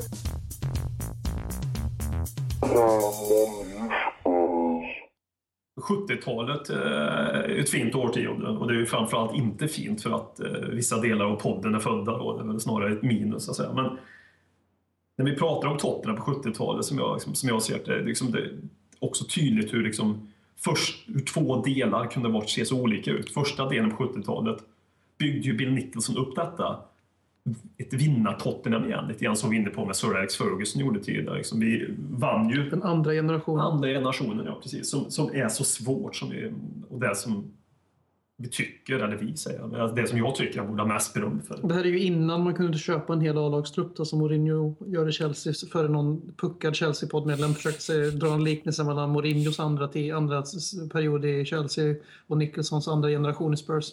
De, eh, Chelsea visste inte att fotboll fanns innan 2004 heller. Så, eh, fotboll föddes 2004. Tillbaka till den vackra klubben. Tillbaka till den vackra klubben. Du kom ifrån den vackra klubben. Den vackra klubben, vi, alltså bara för att korta, vi vann ligacupen två gånger, 71-73. Vi vann Uefa-cupen igen, 72 och vi hade en finalförlust i Uefa-cupen 74. Hence att vi kallas för en väldigt framgångsrik ku- kupplag. Mm, exakt. Och igen där, det är viktigt att säga. Vi vann saken 71. Vi brukar vinna saker när det, när det står en etta också där. 61, 71, 81, 91 så att säga. Och sen så svek vi. Sen så sket sig det. Men det finns ju en fin historik att vinna saker med när året står på ett i alla fall. Eh, Profiler från den här tiden, alltså i den här början av, början av 70-talet, det finns, ju, det finns ju väldigt många att ta. Liksom. Men det är som nästan lite eh, osexigt val, så här, väntat val, men också ett val som bör hyllas. Det är ju, liksom, är Steve Perman. Vi pratar om en kille som eh, snöade på sig de fina Tottenham-skorna först 1969 och lät dem sitta kvar till 1986. Alltså det, det är ju En naturligtvis... hel NHL-karriär Alltså. det är helt fantastiskt. Eh, eh, Nu har Bian fått in två saker i den här podden som jag vill njuta, NHL och Chelsea. Men vi återgår. Nej, men det är alltså en fantastiskt fin karriär. Han har ju vunnit mycket och varit en Tottenham-ambassadör. Även, inte bara Steve Perman sportstävel, som han kanske numera är mest känd för bland dagens eh, kids out there. Utan han har ju en... eh, ja, det är den spelaren i Tottenhams historia som gjort mest matcher för klubben. 866 sägs det på vissa håll. Andra håll sägs det... 854 är en annan siffra. Ja, Oavsett han var ju- en jävla massa matcher. Det är helt, Ja. alltså, det är osannolika siffror. Det, är- fan, de spelar väl inte ens så många matcher i sina karriärer Nej. nu för tiden. Alltså proffskarriären då Nej, givetvis. det. Det är ju det är ju tecken på att en kille som också sköt om sig. Tyvärr missade han ju, även med, även med det här 70-talet så freebase jag lite nu. Han missade ju finalen 84, Steve Perryman. På hemmaplan i den avgörande straffsparksläggningen då när good guy Tony Parks eh, gick och räddade bra straffar för Tottenham och fick fira efteråt. Eh, jag tänkte också lyfta lite så här stommespelare från den här tiden som jag tycker är värt att folk ska veta lite mer om.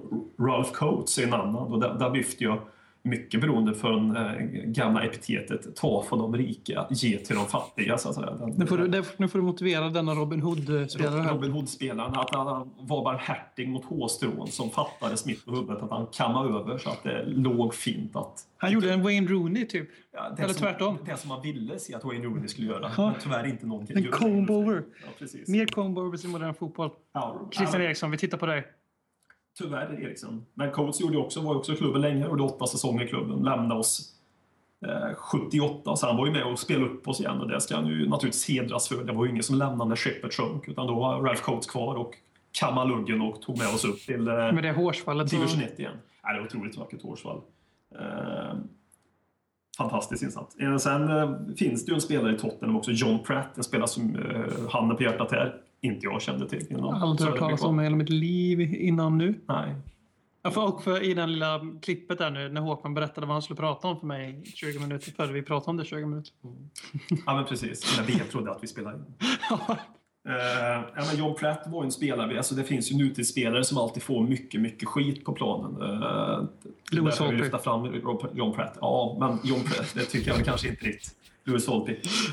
Eh, Men John Pratt fick mycket, mycket skit från läktaren och Lewis var, fick, fick, var känd för det hela karriären. Att fort det hände någonting, att spelet inte funkar, vem buar man ut? Ja, Lewis Holtby! John Pratt. eh, Bian har glömt att ta sin amfetamin mot ADHD, tror jag. Eh, ja, men var en spelartyp som gav 100% men också här som kanske hade svårt att bli någon kelgris på läktaren. Ingen Glenn Oddel, ingen Ossi Ardiles. Ingen Tottenham-spelare i grunden, så att säga. Han, han gjorde det hårda jobbet helt Han gjorde det hårda jobbet. Grisjobbet och det är därför han inte blev hyllad. Exakt. Eh, 70-talet hade ju också även eh, pisstider tyvärr för Tottenham. Det är ju senaste gången vi åkte ur högsta divisionen. Och förhoppningsvis sista gången vi åkte ur högsta divisionen. Ja, jo, det, det, det fanns nå- något att stilla bedja om. Mm. Det skulle vara, nästan vara lite skönt att åka ur Premier League. För fan vad, bli av med alla Glory Hunters. Mm. För vi har ju så jävla många sådana nu. Det är ju Bra med mig kanske. ja, bara- Ja. Jag lämnar skeppet direkt. Övergår till något annat. Superettan, Championship. Det är liksom det självklara valet är ju Superettan. Ja, Där Bayern kommer spela 2015 också. Eh, så är det faktiskt. Det tror jag också. Eh, nej men... Eh, alltså, eran sluts ju oftast. Det är lite som dra referensen för 51 gången till Sir Alex Ferguson. Att eh, när, när- en gubbe som har suttit länge och gjort mycket bra lämnar, då kan det bli en dipp och det är inget konstigt. Och mycket där fick vi igenom också. Det grejen är ju den som kan vara värt att lyfta fram den här podcasten som heter Ledley Kings knä. Det är ju att 1974 när han lämnade i augusti månad. Viktigt att säga. När, eh, när När spelet Nicholson då lämnade. lämnade Tottenham i augusti månad. Vi hade ju hunnit börja spela lite. Resultatet gick ju inte direkt tipptopp-aktigt de första matcherna i augusti.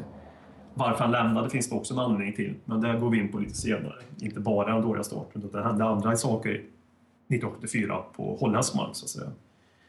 Eh, Men han ville i alla fall ha Johnny Gills och Danny Blanchflower som skulle ersätta honom. Eh, Och man kan ju tycka att han borde hedras också, respekteras efter så många fina år i klubben. The chosen two. Ja, man borde respekteras att han borde haft någon, eh, som man säger, hans ord borde väga någonting där. Vad säger ni om det? Borde man inte respektera Bill Nicholson där och då? Ja, det borde man definitivt. För det finns ju ingen som känner truppen bättre. Och framförallt ingen som känner Blanchflower. Och eh, den andra snubben bättre som jag inte lyssnar på vad han hette, för jag bryr mig inte. Face down. Sägs den generationen. Nej, men att eh, det är bara att se. Vi såg ju, alla såg ju framgångssagan som var David Moyes. Jag menar, han tar ju mer poäng på första matchen än vad van Gaal har gjort. Och van Gaal har ju pungat ut ett par miljarder. Det fick ju inte Moyes göra. Så att vi vet ju alla vad som hände när Okej, jag ska inte förringa Bill Nicholson på det sättet som jag gjorde, men det, för Ferguson fick ju välja sin ersättare och det, den äran borde ha givits Bill Nicholson också. Absolut. Tyvärr så Framförallt eftersom man kunde bättre. Tyvärr finns det ju lite sådana tendenser i, i Tottenham. Vi kan ta det lite senare kanske, men eh, kort bara att behandla de framgångsrika tränarna lite kast när de lämnar. Mm. Nej, det, det har vi inte sett. Martin Jol. Harry Redknapp. Tim Ja, men- Sherwood. Nej, men det finns ju naturligtvis den, eh, den, den grejen som, är, som inte är så fin. Eh, Men eh, även solen har ju sina fläckar. Så. Men killen vi tog då när vi inte lyssnade på vår kan man säga, gudfader eh, var ju att vi tog över en eh, tränare från en annan del av London som vi kanske hatar mer än någonting annat. Arsenal, Terry Neal. Detta eh, kräk helt enkelt som var i klubben under två år. Och, eh, han, var, han kom två år, satte oss i parterläge. Efter två år så lämnade han och gick tillbaka till Arsenal och lämnade ett lag i spillror så att säga. Eh, han skeppade iväg allt som var någonting värt att ha. Han skickade iväg Martin Peters, han skickade iväg Alan Gilsine, han skickade iväg Martin Shivers, alla de här, Mike England, alla de där som var dåtidens, som vi pratade om tidigare, ryggrad skeppade han iväg. Så man kan ju tro att Terry Neal var där och gjorde ett uppdrag för Arsenal, lite grann som kalla kriget, där man skeppade iväg Sovjetspioner till USA och vice versa. Man var där och bara förstörde. Eh, Som vi gjorde med Robbie Keane till eh, West Ham, var det, eller? Liverpool. Nej, men det gjorde jag med, men en av hans senare låtar. Ja, till West Ham. Ja. Alltså, Terry Neal är vi väl ganska överens om att det är en, spel, det är en, eh, en av våra mörkaste tränare eh, vi har haft i vår historia som har saboterat jättemycket. Nu var det ju inte han som var tränare när vi åkte ner, men det är ju väldigt viktigt att poängtera att det, som, jag, som jag ser det så var det han som la grunden till varför vi åkte ner. Och det, det säger jag inte bara för att han nu kom från Arsenal, utan ja, han kommer från Norwich hade jag tyckt samma sak. Att eh, Keith Burkershaw som där och då fick ta över skeppet 76 åkte ur men fick stanna kvar. Bara den referensen till dåtid och nutid kan ju vara intressant att prata lite om. Eh, Vad hade hänt här och nu om det hade hänt? Jag tror att eh, Liv hade väl halshuggit Pochettino och burit hans kropp ut på... Hållit hans huvud. Mm. Och så hade Per Frykebrant tagit en bild på det och lagt upp på Lillekinskans Facebook. Ja, och så hade det varit alldeles för groteskt. Ja. Eh, Ice Bucket Challenge med... Ja, var, alltså, grejen är, det skulle ju aldrig hända för tränare. Vi hade sparkat sju tränare före nedflyttningen som var ett faktum. Men det bara varit Freund kvar. Till slut hade vi inte haft något val än att sätta honom på tränarbänken. Och då hade det redan varit klart. Så han hade förmodligen blivit kvar då eftersom eh, ingen annan tränare hade varit kvar i hela England. För Liv hade liksom sparkat tränare varannan omgång om det krävdes för att hänga kvar. För det hjälper ju så jävla mycket att sparka tränare har vi ju sett alltid. Ja, jag tycker det är jätteintressant att han är kvar. Och sen vet vi ju också, eh, vi- ska ju inte prata om den tiden, men vi vet ju också vad som hände med Keith Burkershaw längre fram. Det var ju eh, den, den sista som man säger, storhetstiden med Tottenham, senaste, ursäkta mig, den senaste storhetstiden med Tottenham var ju ändå under Keith Burkershaw. Men det är väl han, Bill Nicholson och så Rowe då, som är de flesta skulle nog skriva under att är de största tränarna Tottenham har Ja, haft. så är det ju, absolut. Då, då ser man ju vad som kan hända med Tottenham. Men det är ju inte redan givet eh, framgång, det vet jag heller, att det med- per automatik, bara för att man tränar i åtta år så blir det framgång till sist. Men eh, det, jag tror det är ändå viktigt att ha med i beräkningarna att eh, sparka någon efter x antal månader kanske. 18 är väl snittet. Ja, här och nu. Det är inte alltid kanske melodin att gå tillväga så att säga. En liten kuriosa, eller kuriosa är inte, en liten, liten rolig detalj om sista omgången. Där. Vi hade fortfarande chans att hänga kvar när det spelades sista omgången av division 1 1977. Eh, vi behövde vinna med fem mål för att, eh, ja, för att vara kvar. Grejen var den att vi vann med 2-0. Och en av de som gjorde mål var ju han vi pratade om tidigare, John Pratt. Den var hackkyckling på White Hart Lane. Eh, grejen är också den, därför jag vill prata om sista omgången, för att skjuta ner ett annat Londonlag i sank lite grann som en lortförening som det ändå är också. Det är att Liverpool mötte West Ham i sista omgången Vilken av de här var lortförening? i London. Ja, ja, men jag... Ja. Hallå, jag försökte ge dig ett upplägg och dunk, ja, till två båda två. lortföreningar. En som bygger på myter som de aldrig kan släppa. I alla fall. Båda två gör nog det Båda två gör det. Eh, Liverpool West Ham. Grejen var den att det krävdes, för att West Ham skulle hänga kvar, krävdes det 0-0 eller oavgjort. Och för att Liverpool skulle vinna titeln 77, som de också gjorde, krävdes det också 0-0. Vad tror ni matchen slutade? 4-8. Ja. 0-0 mycket riktigt. Så fot, det, det går ju så här med, med, backspegeln och tycka att det inte bara resultaten mot Benfica där med bortdömda mål som vi har fått emot oss. Även här kan man ju även tycka att det finns en viss handslag mellan tränare och spelare innan matchen. Man gick ju på Anfield att gubbar, 0-0 är väl ett bra resultat här då? Eller? Är det en, är det en eh, felaktig analys? Nej, En mycket, mycket byriansk tirad. Men till skillnad från Du Due 2004 så tror jag att Marcus Håkman, och inte Marcus Birro utan Marcus Håkman, han har hittat en riktig konspiration till, skillnad, till skillnad från Marcus Birro. Vi har annars mycket likheter jag och både den där 0-0-matchen och sen då att den här eh, Arsenal-agenten Terry Neal kommer in och förstör laget. För jag menar, skickar man ut spelare som Martin Chivers och Martin Peters, menar, varför ska du Dock dumpa så kom, öppnade det väl dörren för lite, en, en del hyfsat spelare som kom fram en senare tid. Det finns ju du, VM ut på ett, på ett riktigt spår. Va? Vi, vi offrar fyra, fem bra spelare. Det som man kanske ska ha beröm för, Terry Neal, och dock det är det enda som man ska ha beröm för, det är att han plockade upp eh, en eh, stor Tottenham, Glenn Hoddle, 1975.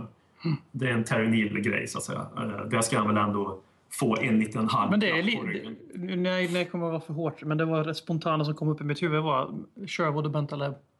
Ja. Och väldigt mycket lösare Arsenal-kopplingar. Sen så gjorde inte Sherwood ens eh, dåligt ifrån sig. Tipp- Utan det var tipp. godkänt. Men det var det första som ploppade upp i huvudet bara. Tipsextra-editionen som allas pappa som ska lyssna kanske berättar, kanske vänder sig graven med jämförelsen Glenn Hoddle och Ben Taleb. Ja, men du, Bentaleb är 19 år. Vänta du bara. Ja. Mr Algeriet, Algeriet VM-tröja 14 Bentaleb. Ja. Vänliga hälsningar Tottenham-tröja 42 Bentaleb. Ja, ja. Jag känner att BM vann den här fighten. 1-0 BM. Noll poäng tipsextra-dimensionen från som vår ordning. Men så jag avrundar med... Det beror lite på hur man är lagd här, men om man verkligen diggar GSO, alltså Green State Hooligans, så är väl det här höjdpunkten på Tottenhams 70-tal. Men för de flesta så är det ju förmodligen en av de absolut största nederlagen med Tottenham i klubbens historia, både på plan och vid sidan av plan, så att säga. Då ska jag avrunda lite med, den med det som hände 74 mot Feyenoord. Ja, jag, jag som, eh, som Hammarbyare som har varit med om att förstört fotbollen 20 gånger i Sverige så kan ju folk tro att, eh, um, jag, att jag kan tycka det här är höjdpunkten på 70-talet. Det tycker jag naturligtvis inte. Men jag tycker ändå är en, en, en intressant grej att ta upp och en, och en viktig grej att ta upp. Man ska ju inte bara ta upp det som var vackert och fint utan det fanns ju andra grejer som, som eh, satte en stark milstolpe, är väl fel ord, men någon form av milstolpe i Tottenhams eh, 70-tal. Det var ju när vi mötte Feyenoord i, i finalen och på den tiden, som varit inne på förut, så pratade vi dubbelmöten i finalen i Europacupen och Uefa-cuperna. Eh, vi spelar 2-2 hemma på White Lane. Vi åker över till Rotterdam och eh, ska spela fotboll i hamnstaden och förlorar med 2-0. Men det är ju inte bara resultatet som gör att den här matchen och att det finns en rivalitet som lever kvar 40 år senare med de här klubbarna. Utan det är ju det som händer där och då ja, under matchen så att säga. Eh, det, det är också en viktig kuriosa som symboliserar fotbollen här och nu som vi ändå sitter och jämför mycket. Det är att det spelades en landskamp samtidigt som den här Uefa Cup-finalen spelades. Eh, England spelade, mot, spelade i tysk mot Östtyskland i en landskamp samtidigt samma dag som eh, Uefa Cupen spelade final. Det har man ju svårt att se skulle hända nu. Men Rotterdam, så att säga, staden och lagets Feyenoord i staden Rotterdam gör 1-0 precis innan första halvlek slut. Och det blir ju bananas på Tottenham-sektionen. Det är en eh, 3000 Tottenham-supportrar som är där och ska supporta oss fram till ytterligare en UFA-cuptitel. Och de vänder upp och ner på stolar och kastar in. Det blir ett jävla liv. Polisen i, eh, i Holland och Rotterdam har ju aldrig varit med om detta tidigare. Så de, de är ju inte liksom mycket förberedda på hur man ska göra om det blir en huliganismsituation eftersom det är helt, helt nytt det som händer där och då. Eh, och de blir väldigt tagna på sängen. Liksom. Eh, Det, det finns ju också det som jag var inne på tidigare med Bill Nicholson avgång. Det här är ju också en del till, eh, sägs det, till att han avgick, det som hände där då hans Kallar väl- kärlek till sporten försvann. Kallar väl, support- det har han sagt också. Han kallar väl supporterna mer eller mindre för avskum, att de inte alls att de var eh, en skamsfläck för Tottenham Hotspur och så vidare. Något, något i den stilen minns jag i alla fall. Exakt så. Eller minns, jag var inte där. men- Nej, men det är ju så, det är så han pratar. va. Han pratar ju också om att eh, this is football, it's not a war. Liksom. Eh, men det sägs också i Holland, eh, holländska medier och sånt där efter den här incidenten som det blev 200 stycken var liksom, som blev skadade, allvarligt skadade, eh, dödsfall och det har jag ingen koll på, men jag tror inte det. Men det var, liksom, det var många som fick, fick blåmärken efter detta och betydligt värre saker än blåmärken. Det är att det sägs någonstans inom holländsk i nutid så att säga, att Tottenham tog med sig huliganismen till England, eller till eh, Holland, ursäkta mig, och tog med sig stafettpinnen dit och gav över den till Feyenoord och då föddes en huliganismkultur i Holland också. Så ja, visst, vi var först även där så att säga att eh, lämna in grejer. Så det är mycket mer först nu. Mm. Och där kan vi också, Frikebrant har ju alltid, den tiden han var med i podden så var han ju väldigt, var han ju, hintade han ju ganska ofta att det finns en viss rivalitet mellan Feyenoord och Tottenham. Och nu har ni slutligen fått det väldigt utlägg, en riktig utläggning om varför Feyenoord och Tottenham inte kommer sådär jävligt bra överens. Vi, vi skulle ju till exempel mötas i Uefa-cupen här om det var, jag kommer inte ihåg det här exakta året, men det här pratar vi ändå 2000-tal och att matchen skulle spelas och Feyenoord hade gjort någonting vid, vid en tidigare Uefa-cupmatch och polisen var väldigt snabba med att Feyenoord fick spela inför tomma läktare på hemmaplan helt enkelt. Just för att de, jag tror att den här rivaliteten som är mellan Tottenham och Feyenoord lever kvar. Du har ju också den extrema rivaliteten i, i Holland mellan Feyenoord och Ajax och vi alla vet ju eh,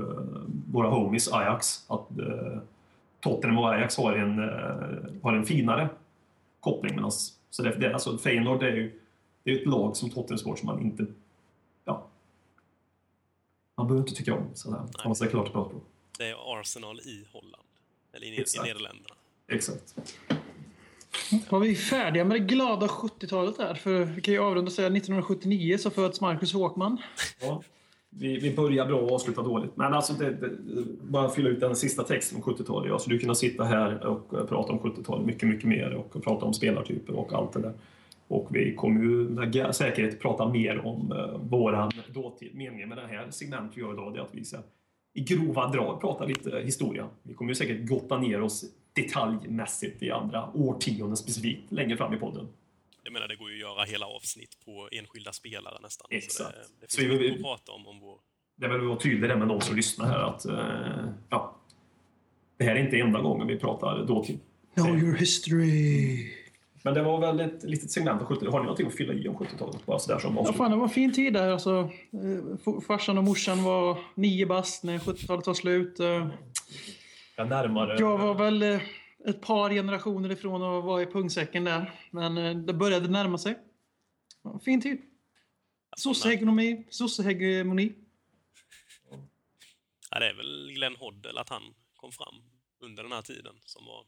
Och sen som din far var inne på, Argentina-köpet som var unikt i sig på, på det, det, 70-talet. Den argentinska Ja, revolutionen så att säga. Ja. Den, den första. Det börjar bli in i hela Premier Det var- League nu var 2014. vi också först med. Och då vill jag säga, jag såg en artikel som säger Di Maria leder den argentinska revolutionen i Premier League. Och man bara, ursäkta, Erik Lamela, 2013. Bitch! Uh, Ossi Ardiles och Cadovia 1978. Ja, det är med. Då det verkligen började. Jag sa inte beep, jag sa bitch! Okej. Nej, men den värvningen också av Ardiles och Villa, som farsan nämnde ju det i intervjun där att... Den att klassiska plocka bilden två- framförallt. Ja, den är magisk. Den lägger vi upp på eh, både Facebook och Twitter sen. Men det är att man signar två världsmästare som nyuppflyttat lag till eh, första divisionen igen. Det var, ja, det var Den gör vi inte om. Tider. Nej, det- 2018 efter VM i någon, något plastland där som Håkman har varma känslor för. Ja, väldigt. Ska vi... Gå vidare till lite lättsammare ämnen. Formationer och matchtröjor tror jag vi har kvar va? Det har vi kvar, så vi säger väl tack Häng kvar ni 70-talet. som fortfarande lever.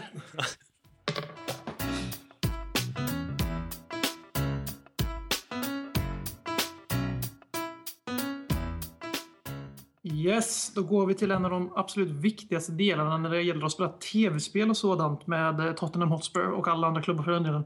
Nu är det 91 Matchtröjor. här. Ja. Matchtröjor. Nu har vi, vi har ju faktiskt haft matchtröjor, tror jag, ända sedan vi började spela fotboll 1882. Men eh, alla som, har, alla som är FM-skadade eller Fifa-skadade vet att det är, en av de, det är jävligt viktigt att man har en mini-ikonen, att det är Tottenhams matchtröja och det är den nyaste modellen. Annars kan man fan inte spela FM. Och det vet alla 90-talister, håller med mig stenhårt i det här. Facedown-generationen. Du är 90 90-talist alltså. Du är så jäkla ung. Jag är född, i, född på, född på rätt sida muren. Mm.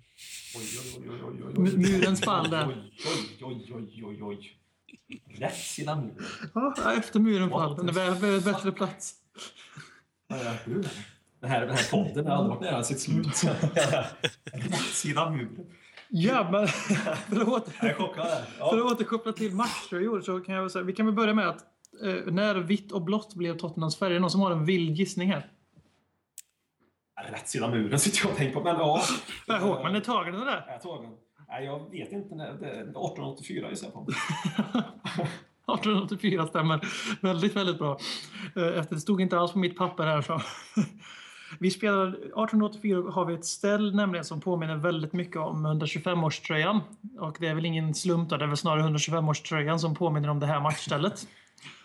Och eh, innan det så spelade vi faktiskt mörkblått. Som jag har på mig just nu, som inte ni ser. Men jag sitter i 60-talets bortaställ. Ja, jag sa 60-talets bortaställ.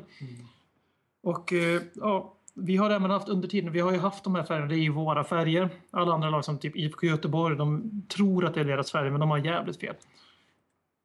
Nu Men är då- det tre, när- tre saker här på den som är dåligt. När, när grundades IFK Göteborg? 2007 eller? Ja. Nej, jag, Ja, bara- det, jag bara det var då. Svennis tog över. va? Nej, men i alla fall, vi har även haft, vi har haft en identitetskris, Tottenham Hotspur. 1890 till 98, då har vi en fruktansvärd eh, identitetskris. För då har vi spelat faktiskt i rött i en säsong eller två.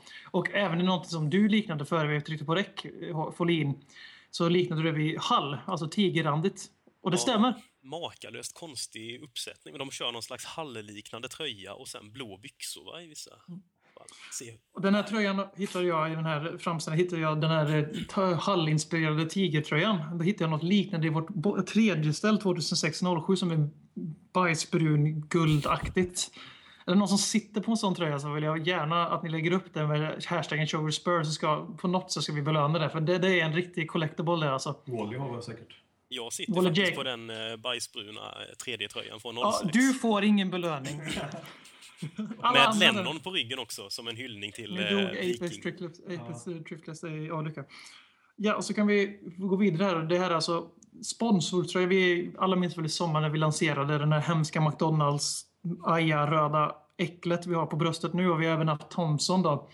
2003 eller 2002 första trö- hade vi rött med Thomson. Mansion också. Ja. Sväng däremellan. Ja, stämmer. Jävligt bra.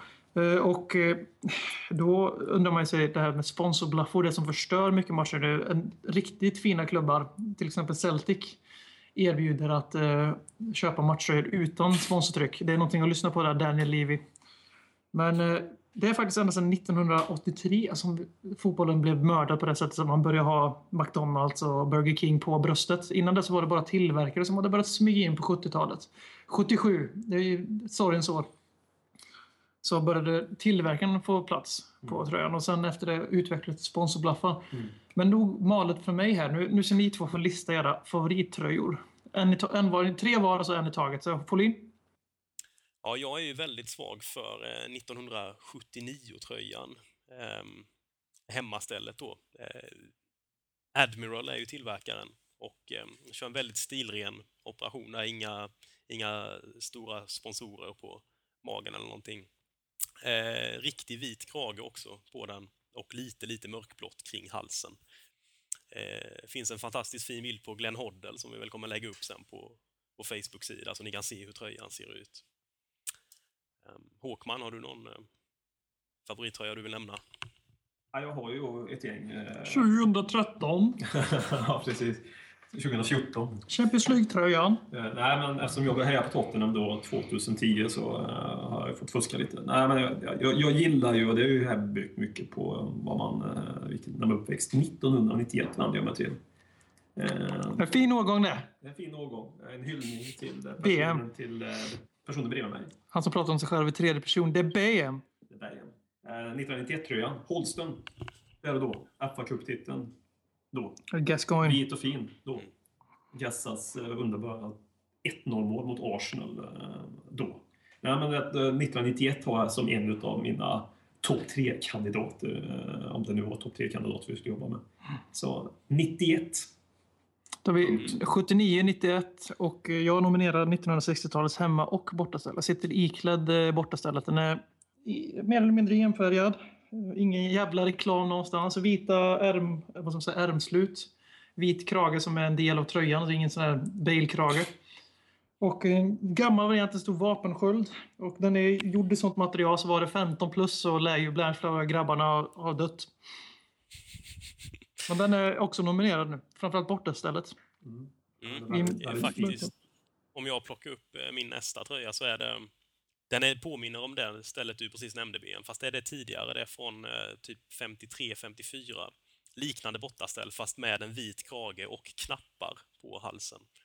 Eh, mycket fint. Vi lägger upp som sagt alla, alla eh, tröjorna sen på vår Facebook så ni kan gå in och ja, såga vår smak.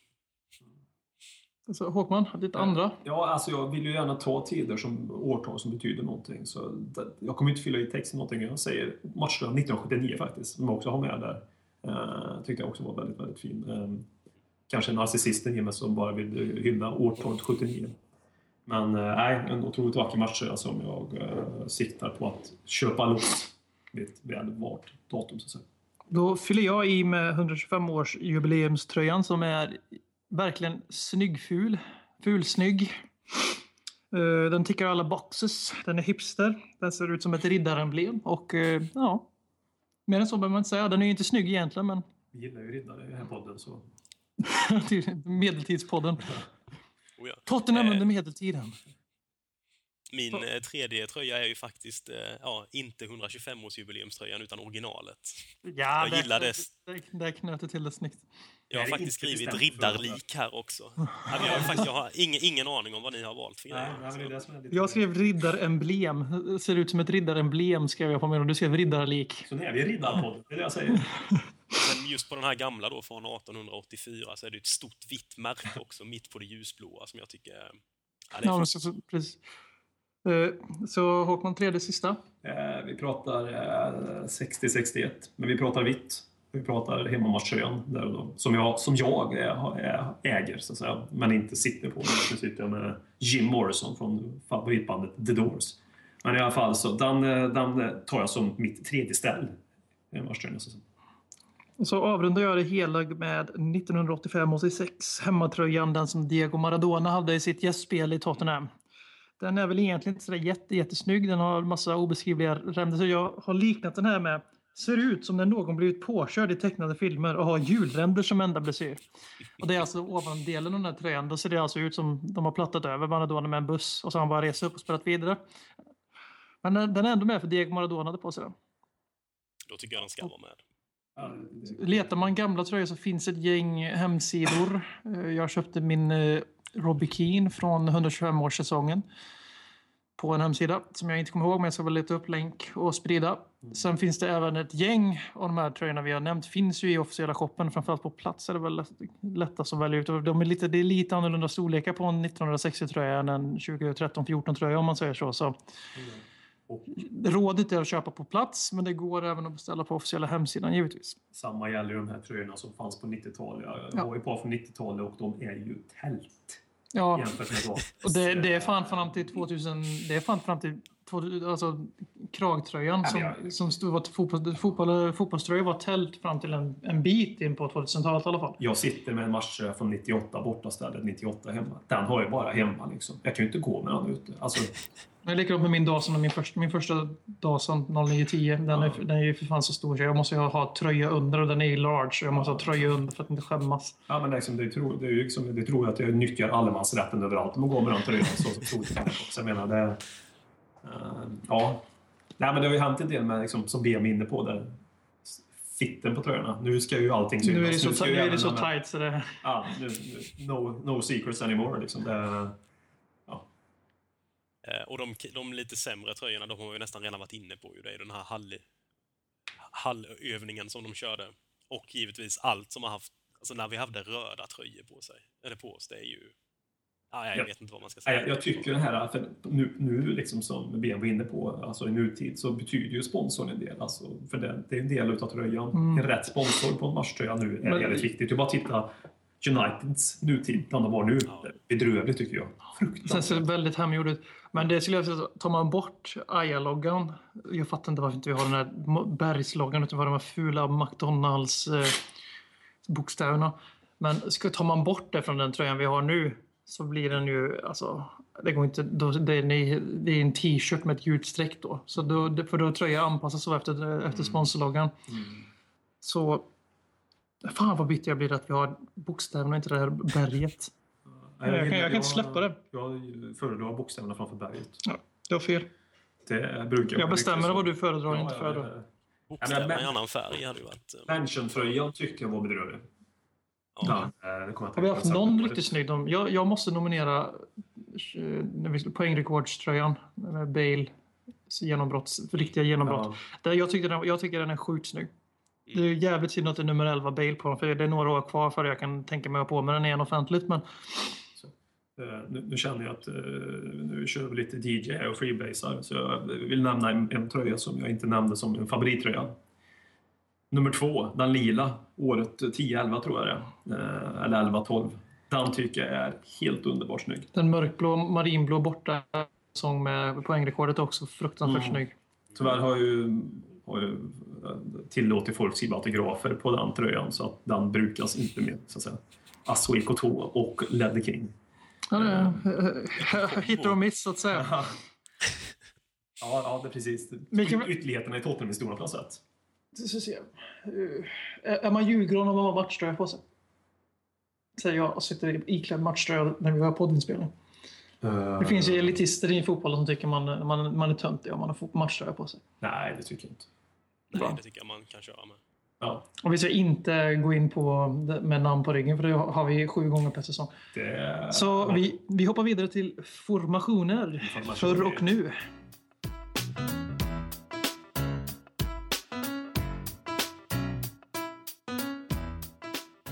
Nu är vi två stycken som sitter och ska prata om formationer för att, eh, alltså så här, husägaren är det ju inte, men den som hyr den här lägenheten har blivit utkastad. Eh, jag tog det beslutet själv och jag ser att eh, Folin ser ganska tillfreds ut med det beslutet. Ja, det kändes som om det var dags. Eh, poj, pojk, pojkevasken, han eh, kunde ju inte bete sig. Han hade beanie på sig och allt möjligt, så det var ju bara ut, ut med honom. Ja, men, ja, men precis. Nu- nu- För nu ska vi ändå prata om eh, riktiga saker, även det vi gjort hela tiden. Ska vi prata om formationer och eh, det, det ligger väl lite över vissas, en viss persons nivå kanske. Eh, jag vet inte. Jag, jag, jag tänker fritt här. Känns skönt i alla fall att det är ingen som är på 90-talet som pratar om eh, dåtid längre i alla fall.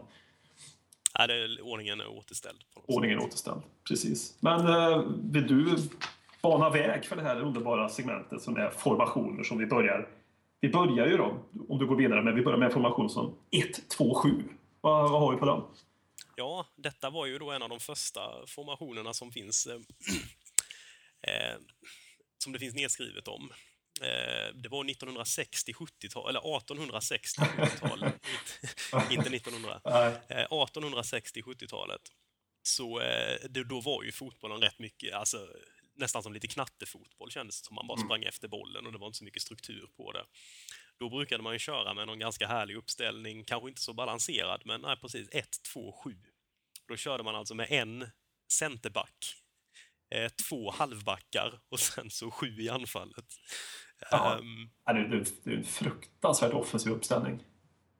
Ja, ja, den är ganska, det är nästan värre än Ossi Adiles Tottenham när de ställde upp med Famous Five. så- Ja, precis. Ja, nej, men det, det skulle vara intressant att se hur det här applicerar här i modern fotbollstid, hur det skulle funka under 90 minuter, inte bara de sista fem minuterna, alltså tjonga långt så att säga, mot eh, ett jagande kvittering. Nej, det, men detta kan, det, denna uppställningen kan ju bli aktuell för Manchester United med tanke på hur de har värvat. Det är nästan så att en 1-2-7 är aktuell där. Det är kanske så han tittar när han har köpt alla de här uppställningarna. Att han, har, han har kollat på de här gamla formationerna och insett att det är dags att börja om cykeln igen och börja om från början. Ja, vi har knäckt van Gaal-koden kan vi Det säga. har vi gjort. Ja, det, här, Eh. det är vi också först med, så att säga. Ja, som Mm. så mycket annat. Ja, precis. Eh, och det var ju mycket då för att på den här, man körde rätt mycket långbollar eller så bara sprang man upp och dribblade lite så man kände att ha mycket folk där uppe, det är väl bra.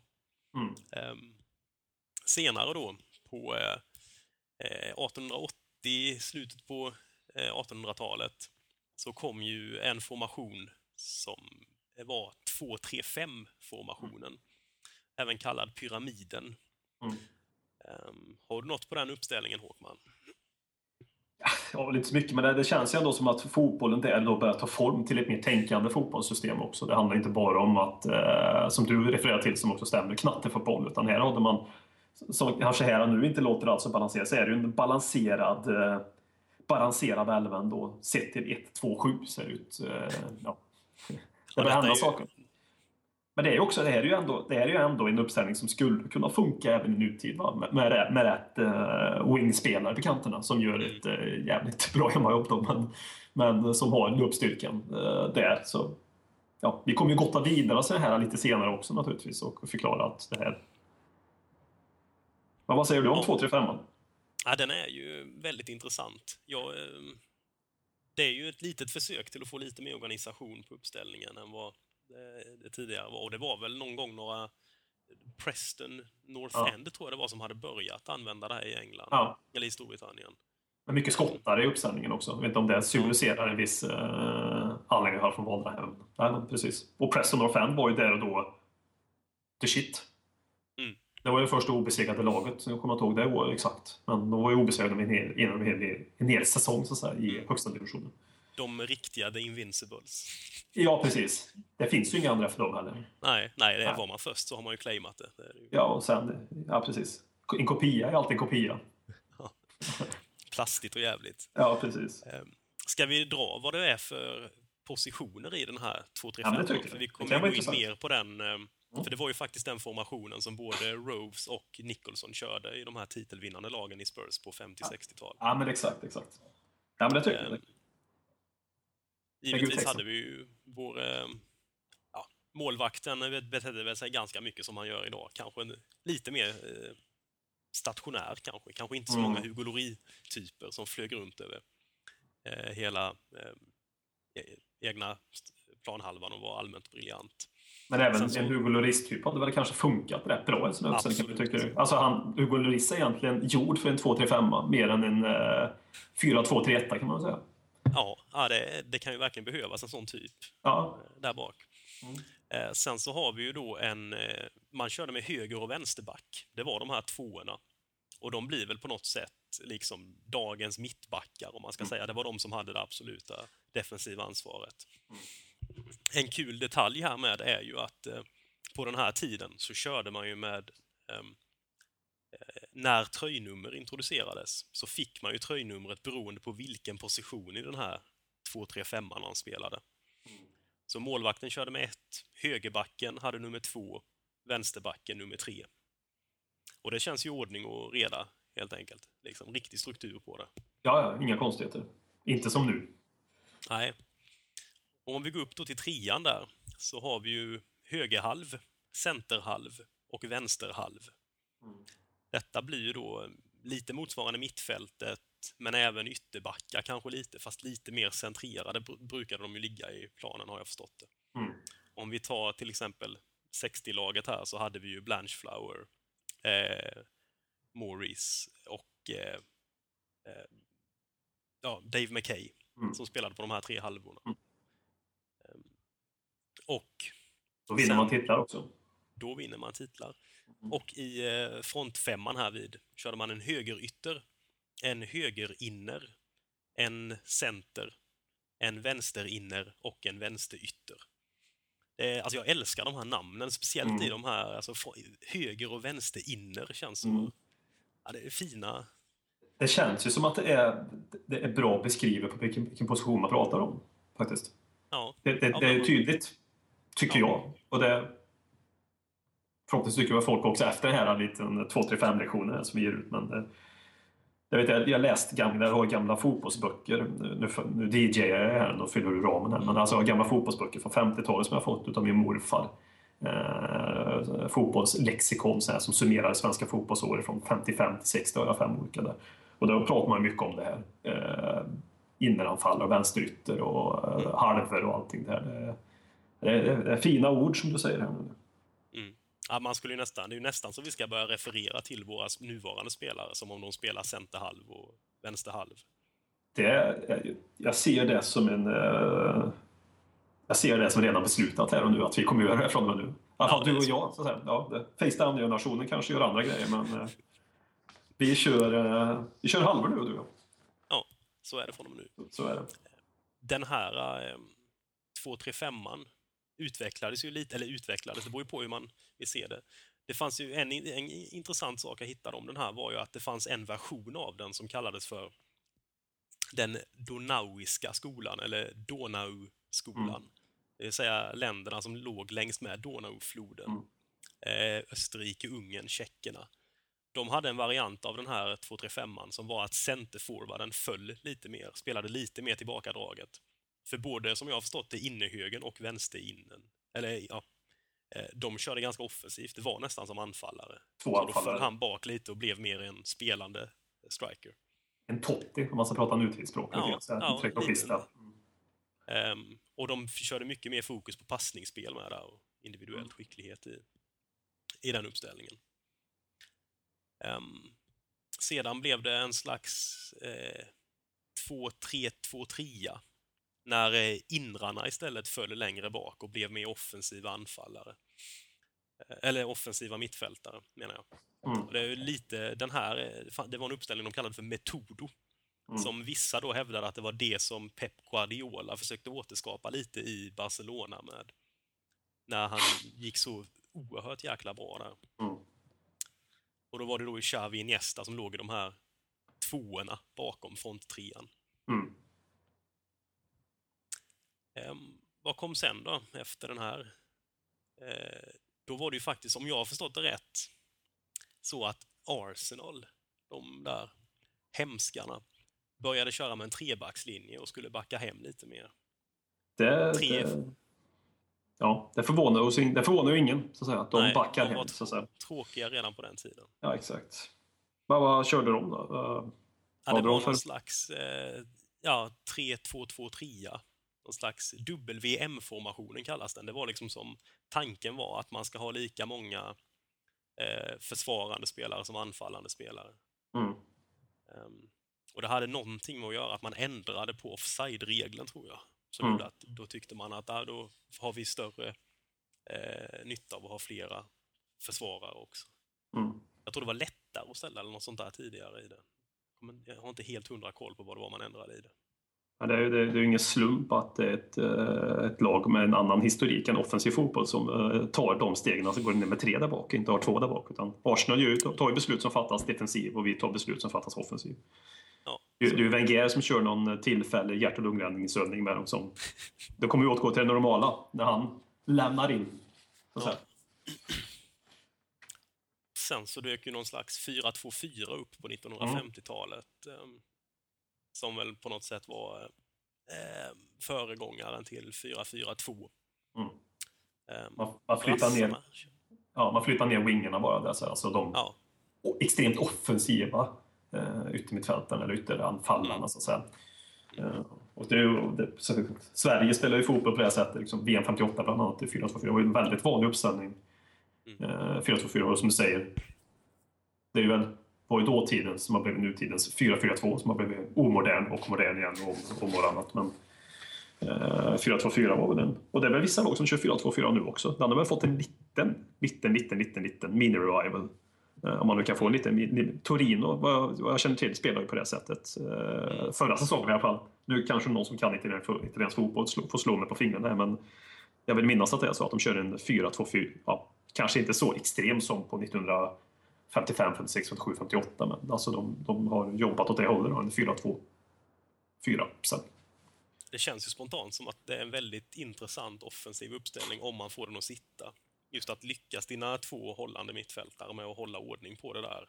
Mm. Ehm, och då man får väl växla lite om att gå offensivt ifrån den positionen. Men det känns ju som att den här frontfyran kan orsaka en hel del skada om man får Mm. det att flyta på bra. Om man ser liksom, som, som, när man ser på pappret här på 4-2-4 så känns det som, som du sa också, där, att de här två innermittfältarna kanske är de Snacka om att ha två vik- viktiga alltså, funktioner i alla lag. Snacka om att bära ett last.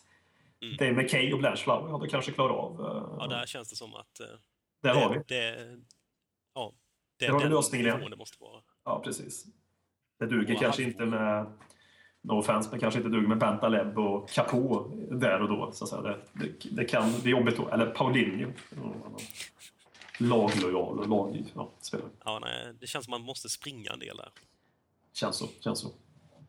Vad känner vi då om de här uppställningarna? Vad har, vi? Har, vi någon, har du någon favorit? Någon som du känner extra för av de här? Jag, jag, jag har ju svårt att välja. Som jag håller på två fotbollslag så väljer jag också två formationer. Alltså, jag har ju två som jag tycker är intressanta. Kanske inte mina favoriter nödvändigtvis, men två formationer som är intressanta. Den ena är den vi kommer gå in på mer detaljerat sen, som du vurmar starkt för. Nu avslöjar vilken du kommer välja, men du kanske också har fler. Det är ju 2-3-5 som jag tycker är intressant. Eh, och sen den andra, jag vi avslutar här med 4-2-4. Så att säga. Och det är ju mycket för att, eh, tror jag blev formad när jag läste de här fotbollsböckerna också. Eh, VM 58 med Sverige, att vi hade 4-2-4 och jag förstår väl att den uppställningen kan vara ja, den är omöjlig att genomföra nu tror jag faktiskt. Eh, jag tror faktiskt Men det är en uppställning som intresserar mig för att det är från en, en tid då både Tottenham var bra och svensk eh, landslagsfotboll var väldigt fin med många fina profiler som höll på att säga, jag kan väl säga Kurre Hamrin och Gunnar Nordahl och Gunnar Gren och eh, trumvirvel Nacka Skoglund. Så det, det, det finns ju, alltså det är mycket där 2-4-2-4, men 2-3-5, ja, klart intressant. Mm. Ja, Vad säger du? Tottet, nej, jag är ju som du eh, har sagt redan eh, in, väldigt intresserad av den här 2-3-5. Mm. För det känns ändå som en... Att har du rätt spelartyper så... Ja, det kanske är lite hybris att försöka implementera det idag, men jag skulle på något sätt vilja se någon testa det. Mm. För det känns ju inte så himla olikt en... eh, Alltså, säg den här 4-2-3-1-uppställningen. För du har ju ofta väldigt offensiva ytterbackar i Mm. vilket fall i en sådan. Det är ju egentligen bara att de flyttar upp på trean i mitten. Mm. Och sen att du har din holding mittfielder, eh, eller hållande mittfältare i mitten där. Och resten får tok, alltså köra på framåt det var ju nästan det viktigaste i modern fotboll. Du har tre innermittfältare. Det är ju det man säger mycket nu, att vinna slaget på, alltså på innermittfältet. Det är väl absolut det viktigaste. Eh, och det har man ju i den här uppställningen. Man har ju grunden där någonstans. Så kan man bygga vidare. Som jag ser de, de, de två viktigaste positionerna för att man ska kunna funka lite grann det här nutid. Det är, det är wingsen, alltså de längst ut som slickar kanten på offensivt. Att de ska kunna ta ett... De måste ju ha bäst kondition i laget till att börja med. Kunna jobba upp och ner som eh, två Aaron Lennon som jag uppskattar när han har ett bra defensivt hemjobb också. Så, så det, nej, jag skulle vara jätteintresserad att se den. Jag skulle kanske inte vilja säga att Tottenham startar med den här och nu imorgon, men eh, någon kan väl ta på sig det bara för att vi får se, följa den uppställningen. Laget skulle ju följas bara på grund av uppställningen i så fall. Ja, och sen så, ehm, som när du är inne här och snackar om de här yttrarna, Mm. det vill säga nummer, nummer 7 och nummer 11 i den här uppställningen. Mm. Ehm, I och med att du har två att du har två inrar innanför dem, så Mm. blir det det här att antagligen jobbar man bort det här inverted wingers, som jag inte är ett stort fan av. Jag tycker det, Nej. alltså det kan väl få fint eh, funka för vissa, men jag, det har blivit lite inflation i inverted wingers. Alltså. Det, det här skulle det behövas lite mer eh, traditionella, hårt löpande yttrar som kör upp och ner, upp och ner. Och det är man ju svag för. Jag är det i alla fall. Det finns mycket att göra. Vi är båda svaga för det, eh, kan jag säga. Jag är också eh, anti-inverted wingers. Det kan ju funka för vissa, men det har blivit nästan att du ska ha två inverted wingers och allt, allt ska hända så centralt i planen så att det blir en enda stor... Ja, det blir för många kockar på för liten yta, så att säga. Eh, Nej, den här uppställningen utgår ju antagligen ifrån att det kan du inte ha här, för du har redan Nej. två. Ja, precis. Bara det är ju också en win, så att säga.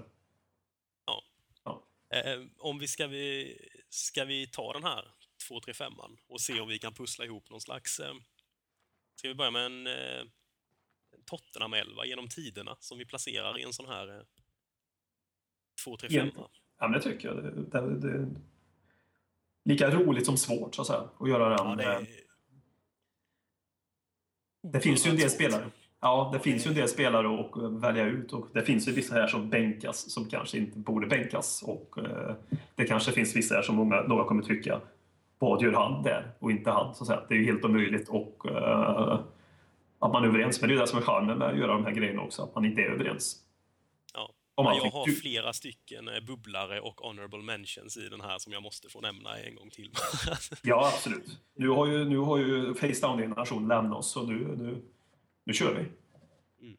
Vill du eh, öppna med... Ska vi köra positionerna en, en åt gången och se hur likt det är? Eller ska vi köra hela elvan på en gång? Vad tycker Nej, du? men kan du köra hela elvan så, så börjar du så rattar jag in sen efteråt. Så. Ja, vi var ju inne och berörde den här herren tidigare i podden. Ehm, och jag, vi fick ju höra då av eh, eh, face down-generationen att han minsann inte kunde vara älskad. Jag har ändå svårt att inte älska Pat Jennings. Det kan ju vara värt att nämna det också att han är ju faktiskt fortfarande tränare för Tottenham.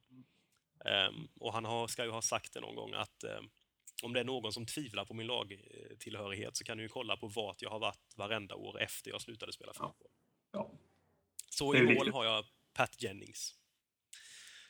Sen så har vi en... Eh, de här tvåorna, höger och vänsterbacken, man ska plocka ihop. Mittbackar för att... Eh, Precis, för att eh, förenklat för vissa. Ja. Ehm, Jag har valt att sätta en Ledley King som högerback. Mm. Och eh, nästan enbart för att han är en Sir. Inte för jag vet så mycket om eh, hans spelsätt egentligen, men Sir Alf Ramsey bre- bredvid eh, King. Då har man ju två ledare. Får man Sir så är man väl en ledare också. Så Ja, det, det, det finns väl något som... något i det. Mm. Och... ehm, nej, Ledley King och Alf Ramsey får bilda... eh, De får vara våra backar. Eh, sen kommer vi till de här intressanta tre halvorna. Och det här var nog utan tvekan de svåra, tre svåraste att plocka. Oj, oj, oj. Ehm, speciellt när man har tittat tillbaka på eh, 50-60-talet och sett alla de här gamla härliga... Jag, jag får säga att jag har fortfarande inte bestämt eh, vilken min, eh, min eh, vänsterhalv är. Nej. Men eh, det jag, får, jag kommer avgöra det nu medan jag presenterar höger och centerhalven. Ja. Får lägga ut Som, texten. eh, som högerhalv så väljer jag ju Danny Blanchflower. Mm. Det går inte riktigt i ignorera honom, känner jag. Ehm, det var ju även han, det glömde vi nämna innan, under 60-talet. Inför säsongen 1960 så ska han ju ha gått och sagt till Tottenhams ordförande att eh, typ det enda han sa var bara så du vet i år så vinner vi dubbeln. Mm. Och sen gick Han de ut och gjorde det. Och han var Ja. ju kapten då, så det kändes som att den, han vill jag, han ska köra peptalket innan allt drar igång. Centerhalv, Steve Perryman. Mm. Eh, motivering, överflödig känner jag. Har man gjort över 800 matcher i klubben, hängt med ner i Mm. division 2, ehm, då ska man vara med. Och de här halvorna, det vi har snackat om, här har vi ju ledare. Här har vi ju två kaptener redan. Mm. Och ute på, eh, på vänsterhalven så väljer jag nog ändå Ron I- Burgess. I steget. Ja, precis. Mm. Ehm, han var kapten 50-51 Och den bästa som någonsin enligt... enligt Bill Nick. Mm. Eh, Dave McKay var ju den jag hade velat ha där också, men eh, ja, jag, jag, vet, Ron, Ron får ta den. Det finns, mycket, det finns många man vill ha, så att säga. Ja. Mm. Eh, gamla kolgruveherren från Wales. Mm. Högerytter Cliff Jones. Eh, inte Per Frykebrands nemesis. Eh, innanför Cliff, som eh, högerinner, känner jag att där har vi en plats för Paul Gascoigne. Mm. Där kan han få eh, leva jävel. Som centerforward gick jag faktiskt nästan enbart på eh, farsans favoritspelare från 70-talet, Martin Okej. Shivers. Martin Shivers, ja. Stor, stark, eh, farlig målskytt med ett jäkla skott. Mm. Det är som han kan stå här inne medan de andra fem, i femman där springer liksom lite cirklar kring honom och så står Mm. han inne och nickar in dem och smäller in dem. Det behövs ju en stationär anfallare känns det i en sån här ruggsändning på något sätt. Han behöver inte göra så mycket jobb, utan det är andra som gör det. Nej, precis. Ja. Eh, vänsterinner, Glenn Hoddle. Alltså tänk dig, tänk dig Gascoigne och Hoddle som inrar kring en eh, Martin Shivers. Mm. Eh, vänsterytter har jag valt eh, David Ginola i en oerhört fri roll. Jag kan Mm. inte ignorera Ginola, det, det går bara inte. Det finns fler som inte kan ignorera Ginola längre fram. Så det är väl min eh, 2-3-5 med Tottenham här. ja, men det känns ju också som en balanserad elva på något sätt. Det, det, kanske, det kommer fightas en del där mellan Hoddle och eh, Gascoigne, vem som ska ha one-man show. Och Ginola kanske. Ja, Men, lite. eh, Medan Shivers står still och Cliff Jones springer eh, ner på högerkanten. Ja. Han är en skön frontfemma då, tycker jag. Absolut. Vi har, eh, vi går inte in på min eh, lite senare här, men vi har en del, eh, en del namn som... Vi har en del lika faktiskt. Jag tror vi har fem, sex stycken som är på samma. Jag har gjort en liten förändring också. Jag har, jag har bytt position på en spelare. Eh, Jag har tagit med den friheten och det är inte för att vi inte saknar mittbackar, men jag vill se jag vill så gärna få in, få in andra spelare på centrala mittfältet. Det är ju det där som du sa, att det här tremanna halvorna så att säga. Det, Där har vi ju något fruktansvärt många att välja på känner jag. Eh, Att vi har en hel, en hel uppsättning av eh, fina, fina spelare där på vänster och central och höger halv så att säga.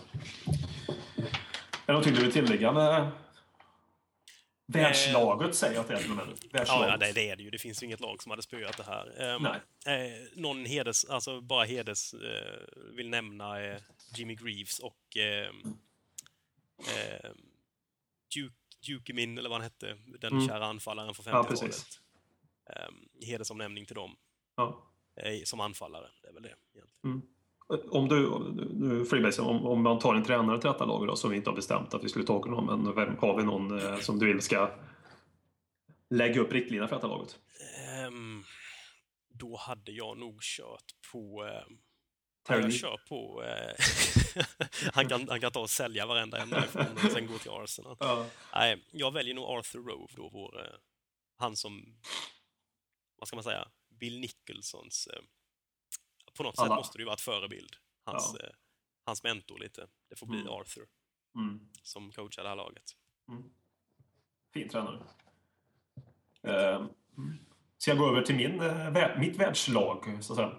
Kör du ditt världslag? Så, eh, jag väljer ju, alltså det, är, det här är ju väldigt mycket, det, är det finns lite nutid i detta. Eh, Och den nutiden är här och nu, så att säga. Det är Hugo Lloris. Jag tar Hugo Lloris. Mycket byggt på eh,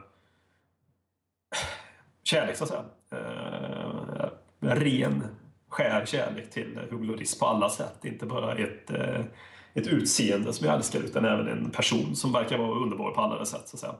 Han tillhör inte för 51 gången vi säger att nu face down-generationen känns det som.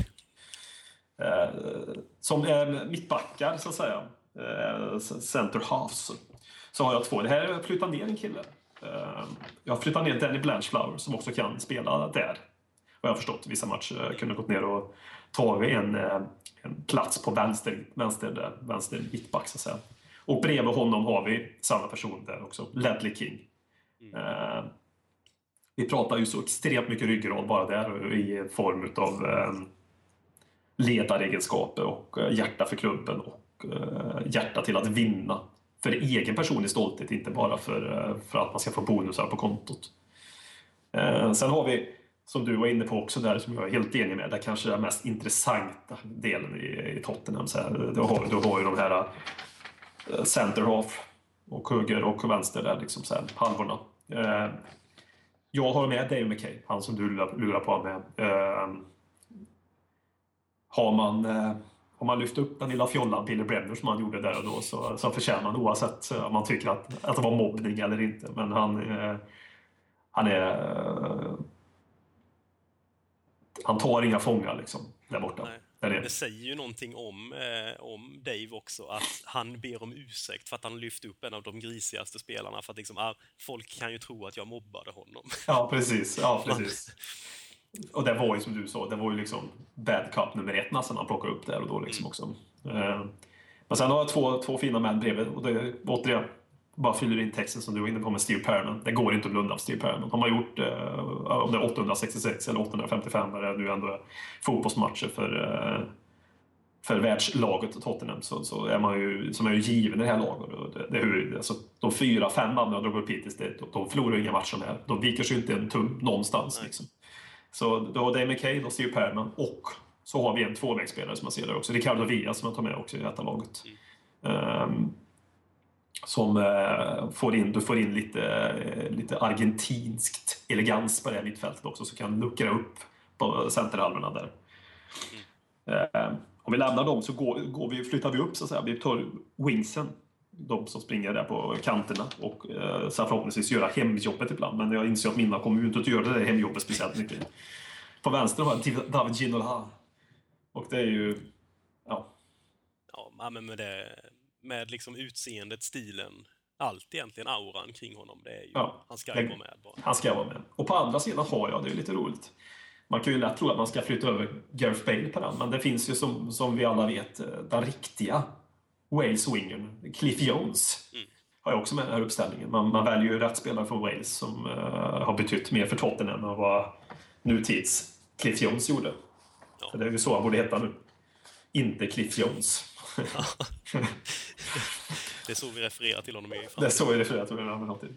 Sen har vi de här två, två, två liksom eleganta, fina, fin, fina spelarna som är inner forward och de två som jag vill ha där. Det har jag Osvaldo Ardiles Mm.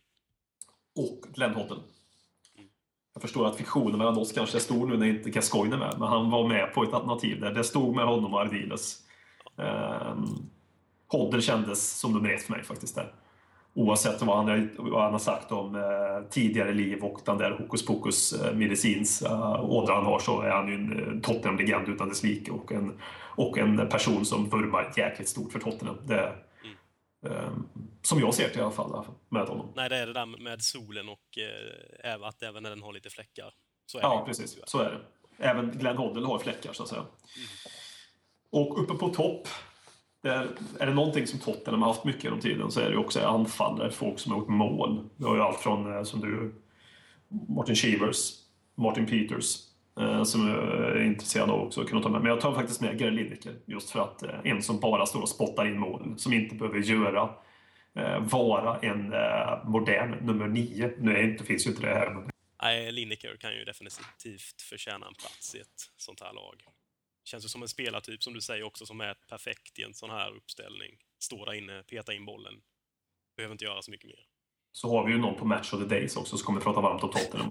Så inte bara Liverpool, det är väl också viktigt så att säga. Ja, när Eh. han balanserade väl, den gode Ja. Gary. Nej, men det, det, är så, vad, vad tycker du själv om det? Det är ju svårt, inte för att vara självgod, men det är ju svårt att kritisera ett, ett, ett världslag nästan oavsett. Vi, vi hade ju äh, rätt många likheter. Alltså på Mm, spelarna. flera. så. Eh, Jag gillade din lösning där med att få in eh, både Blanchflower och McKay också. Du flyttade ner Blanchflower i försvarsspel, Mm. som försvarare.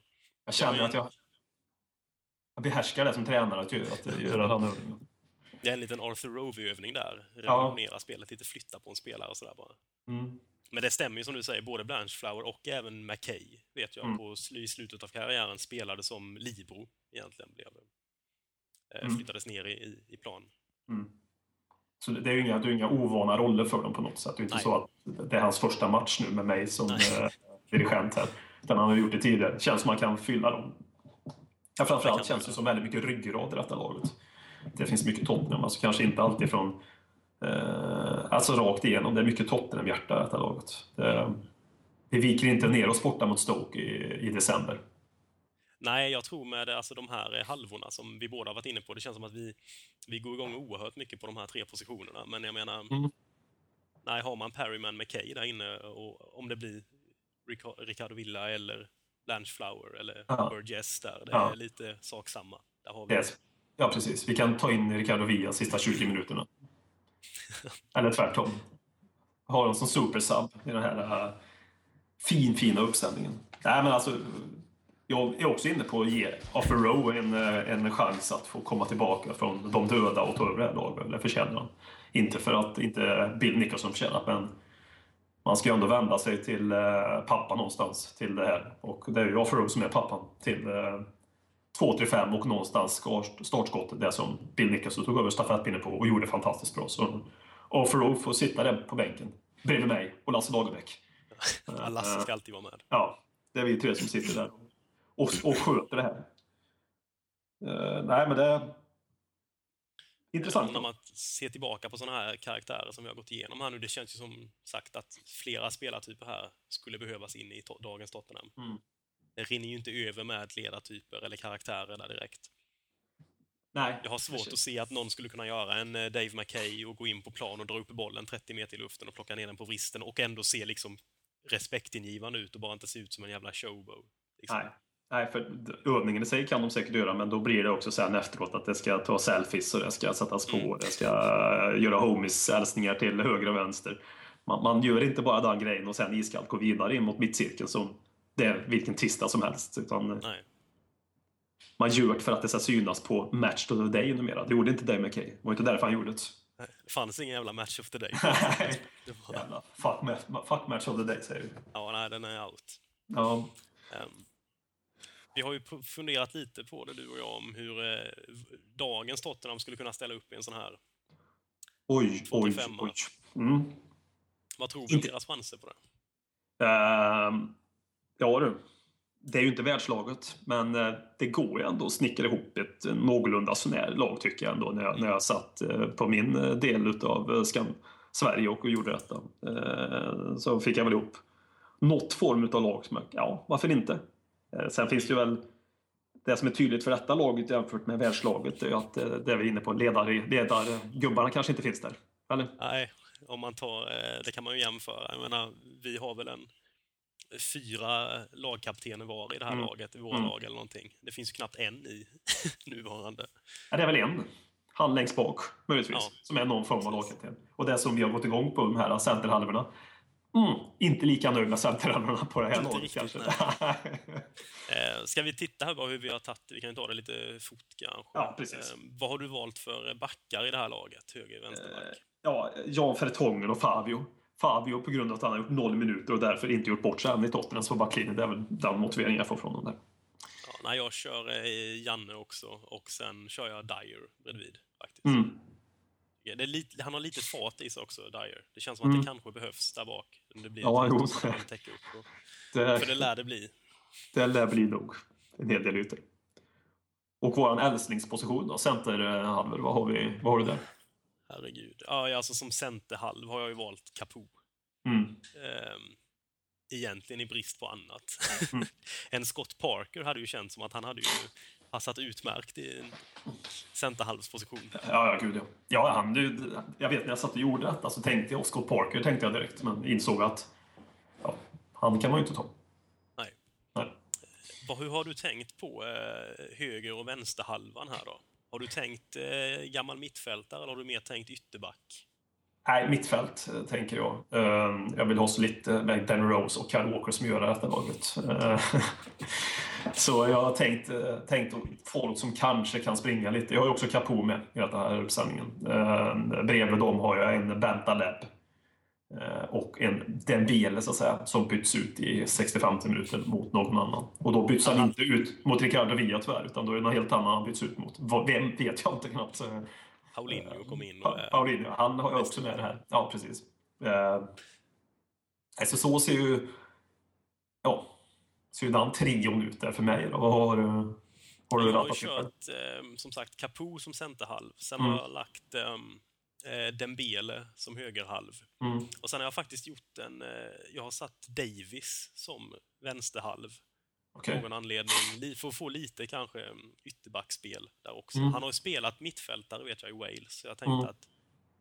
eh, Och jag ville inte ha med Rose av någon anledning. Trots att jag har pushat mycket för Rose i den här podden. Så Ja. jag, jag dumpar honom här nu för Ben Davis faktiskt. Även solen har fläckar, så att säga. Ja, jo. Eller Rose. Ja. Eh, Så så ser det ut. eh, Mm. Dembele, Capo och Davis. Mm. Vad går vi in på Och nu? sen- Ja, då går vi upp på femman där uppe. Mm. Vad har du där? Frontfemma. Mm. Jag har ju då kört ute på... Eh, som vänsterytter har jag valt eh, just på den kanten för att eh, jag har Davis som kan täcka upp och köra Mm. ute på kanten. Så jag har valt Harry Kane Mm. som kommer att arbeta sig inåt och vara i vägen oerhört mycket för de andra kanske. Men um, vänsterinner Eriksen, Soldado centerforward, Lamela högerinner, Lennon högerytter. Väldigt likt eh, mig.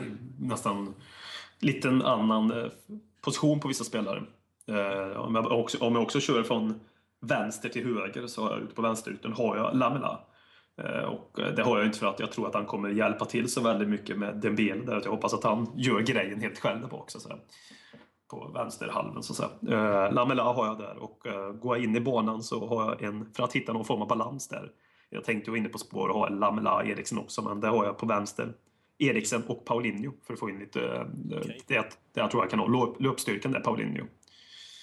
Eh, Då har jag också Paulinho på vänster där på inne som kan hjälpa till Lamela lite när han tappar ytan där och inte jobbar hem så mycket. Eh, På höger har jag Lennon. Mm. Han känns ju som en av de här spelarna som skulle passa ganska bra i den här uppställningen på den kanten. Ja, för att han det har ju, alltså uppriktigt alltså, så är Mm. det, han borde egentligen ha spelat fotboll, varit med och vunnit 51 istället för ingen gång alls. Lennon skulle vi vilja flytta tillbaka till den tiden. Ja, nej, men han har, ju, han har ju plikten när han går och jobbar hem. Säga. Soldado på topp också, men det behöver jag knappast nämna. Så att. Ja, det, man hade ju förväntat sig Adebayor annars från ditt håll. Ja, du jo. är ju ett stort fan. Stort, stort fan av Adebayor. Eh, Men han fick tyvärr eh, stryka foten. Och det, det är ju ont i mig att inte kunna ta med denna, denna, denna lojala Tottenham-hjälte i den här uppsättningen. Men, men, så är det ibland. Man får hård mot även de man älskar. Så är det. Ehm, Och där har vi varit inne på det. Lennon förr i tiden hade nog kunnat... Ja, jag, jag gillar ju Lennon idag också, men jag tror Mm. han hade kunnat passa fint in på den tiden med. Vilka hade haft svårast här, tror vi, och, i dagens Spurs att spela back in the days? Jag ska blunda och slänga ner fingret så ser vi vad jag hamnar på. Ungefär så känns det. Nej, men eh, jag tror ju att Lamela skulle få fruktansvärt svårt med min uppställning. Jag inser ju själv att det kanske inte riktigt att han eh, är klippt och skuren för den här rollen, så att säga. Eh, Så Dado tror jag skulle passa bra då. Nu var inte det frågan, men eh, Lamela tror jag skulle ha svårt. Lite beroende på vart man har honom. Jag tror han passar bättre i din, din position, så att säga. Då kanske han inte alls skulle ha lika svårt. Så du Nej, har nog en bättre... eh, Nej, du har nog, det inser jag ju här och nu, att din position där är ju naturligtvis mycket bättre än eh, min position på Lamela. Eh, Men eh, gjort är gjort och kommer aldrig mer tillbaka, så jag får jag ha kvar den där på yttern. Så utifrån den positionen så, och den placeringen på så tror jag han kommer ha fruktansvärt svårt. Eh, Sen tror jag också att eh, ja, Jan Fertongen kan få svårt i en sån här Mm. position. Det kan bli lite yta för snabba Ja, yttrar att det, springa på. och det krävs ju lite, lite smartness tror jag. När man, så- när man är så få där nere. Man ska kunna läsa av situationer. Och Fertongen har ju många bra egenskaper som jag också faktiskt tycker han har med passningsfötter och eh, tekniken. Men han kanske inte riktigt, i mina ögon sett, har eh, kunnat läsa eh, fotboll alltid så bra och hålla uppe koncentrationen i 90 minuter. Men, men. Mina ord är ju inte facit, det är bara mina ord. Så det, vad säger du? Um, nej, som vi har varit inne på. Jag tror Lamela kunde, kan få det svårt även om han placeras på en, en höger innerposition. Ja, Ehm, eh, andra som hade fått det svårt. Jag har lite svårt att se någon av våra innermittfältare egentligen passa in som en halva. Mm. Eh, det är skillnad på eh, halvorna då och halvorna nu, om vi säger så. tyvärr. De är gjorda, gjort av annat material. De är gjorda av Twitter numera. Hugo Lloris, som vi varit inne på, skulle nog kunna funka väldigt fint som målvakt i, en sån, i den typ av uppställning. Behövs nog att någon kommer ut och räddar Janne när han inte hänger med. Ja, det såg vi ju redan i tidigare skede att Hugo Lloris och som Aaron Lennon är tidslösa spelare som hade passat i, även i den uppställningen som de gör i dagens uppställning också naturligtvis. Men det är också ett gott betyg åt en fotbollsspelare. Absolut. Absolut. Så Lennon och Hugo är de tidslösa i Spurs. Ja, precis. Ska vi... ehm, Är det med de orden vi rundar av det här avsnittet? Det är ju så att det är ju precis som eh, eh, BM ville, så har vi hållit det kort det här. Vi har bara, vi har bara två timmar och 20 minuter inspelat material här nu som vi ska klippa ner. Får se hur mycket av det blir som kommer med. Lite kort kan jag tycka. Jag hade förväntat mig eh, en 24 timmars sändning nästan. Men vi måste ju lyssna på BM. Är det kort så är det kort. Liksom. Det, vi får hoppas att ni har överseende med detta. Och eh, eh, ja, hoppas att trots den här sitcom-versionen av Ledley Kings knä eh, duger. Tidsmässigt så att säga.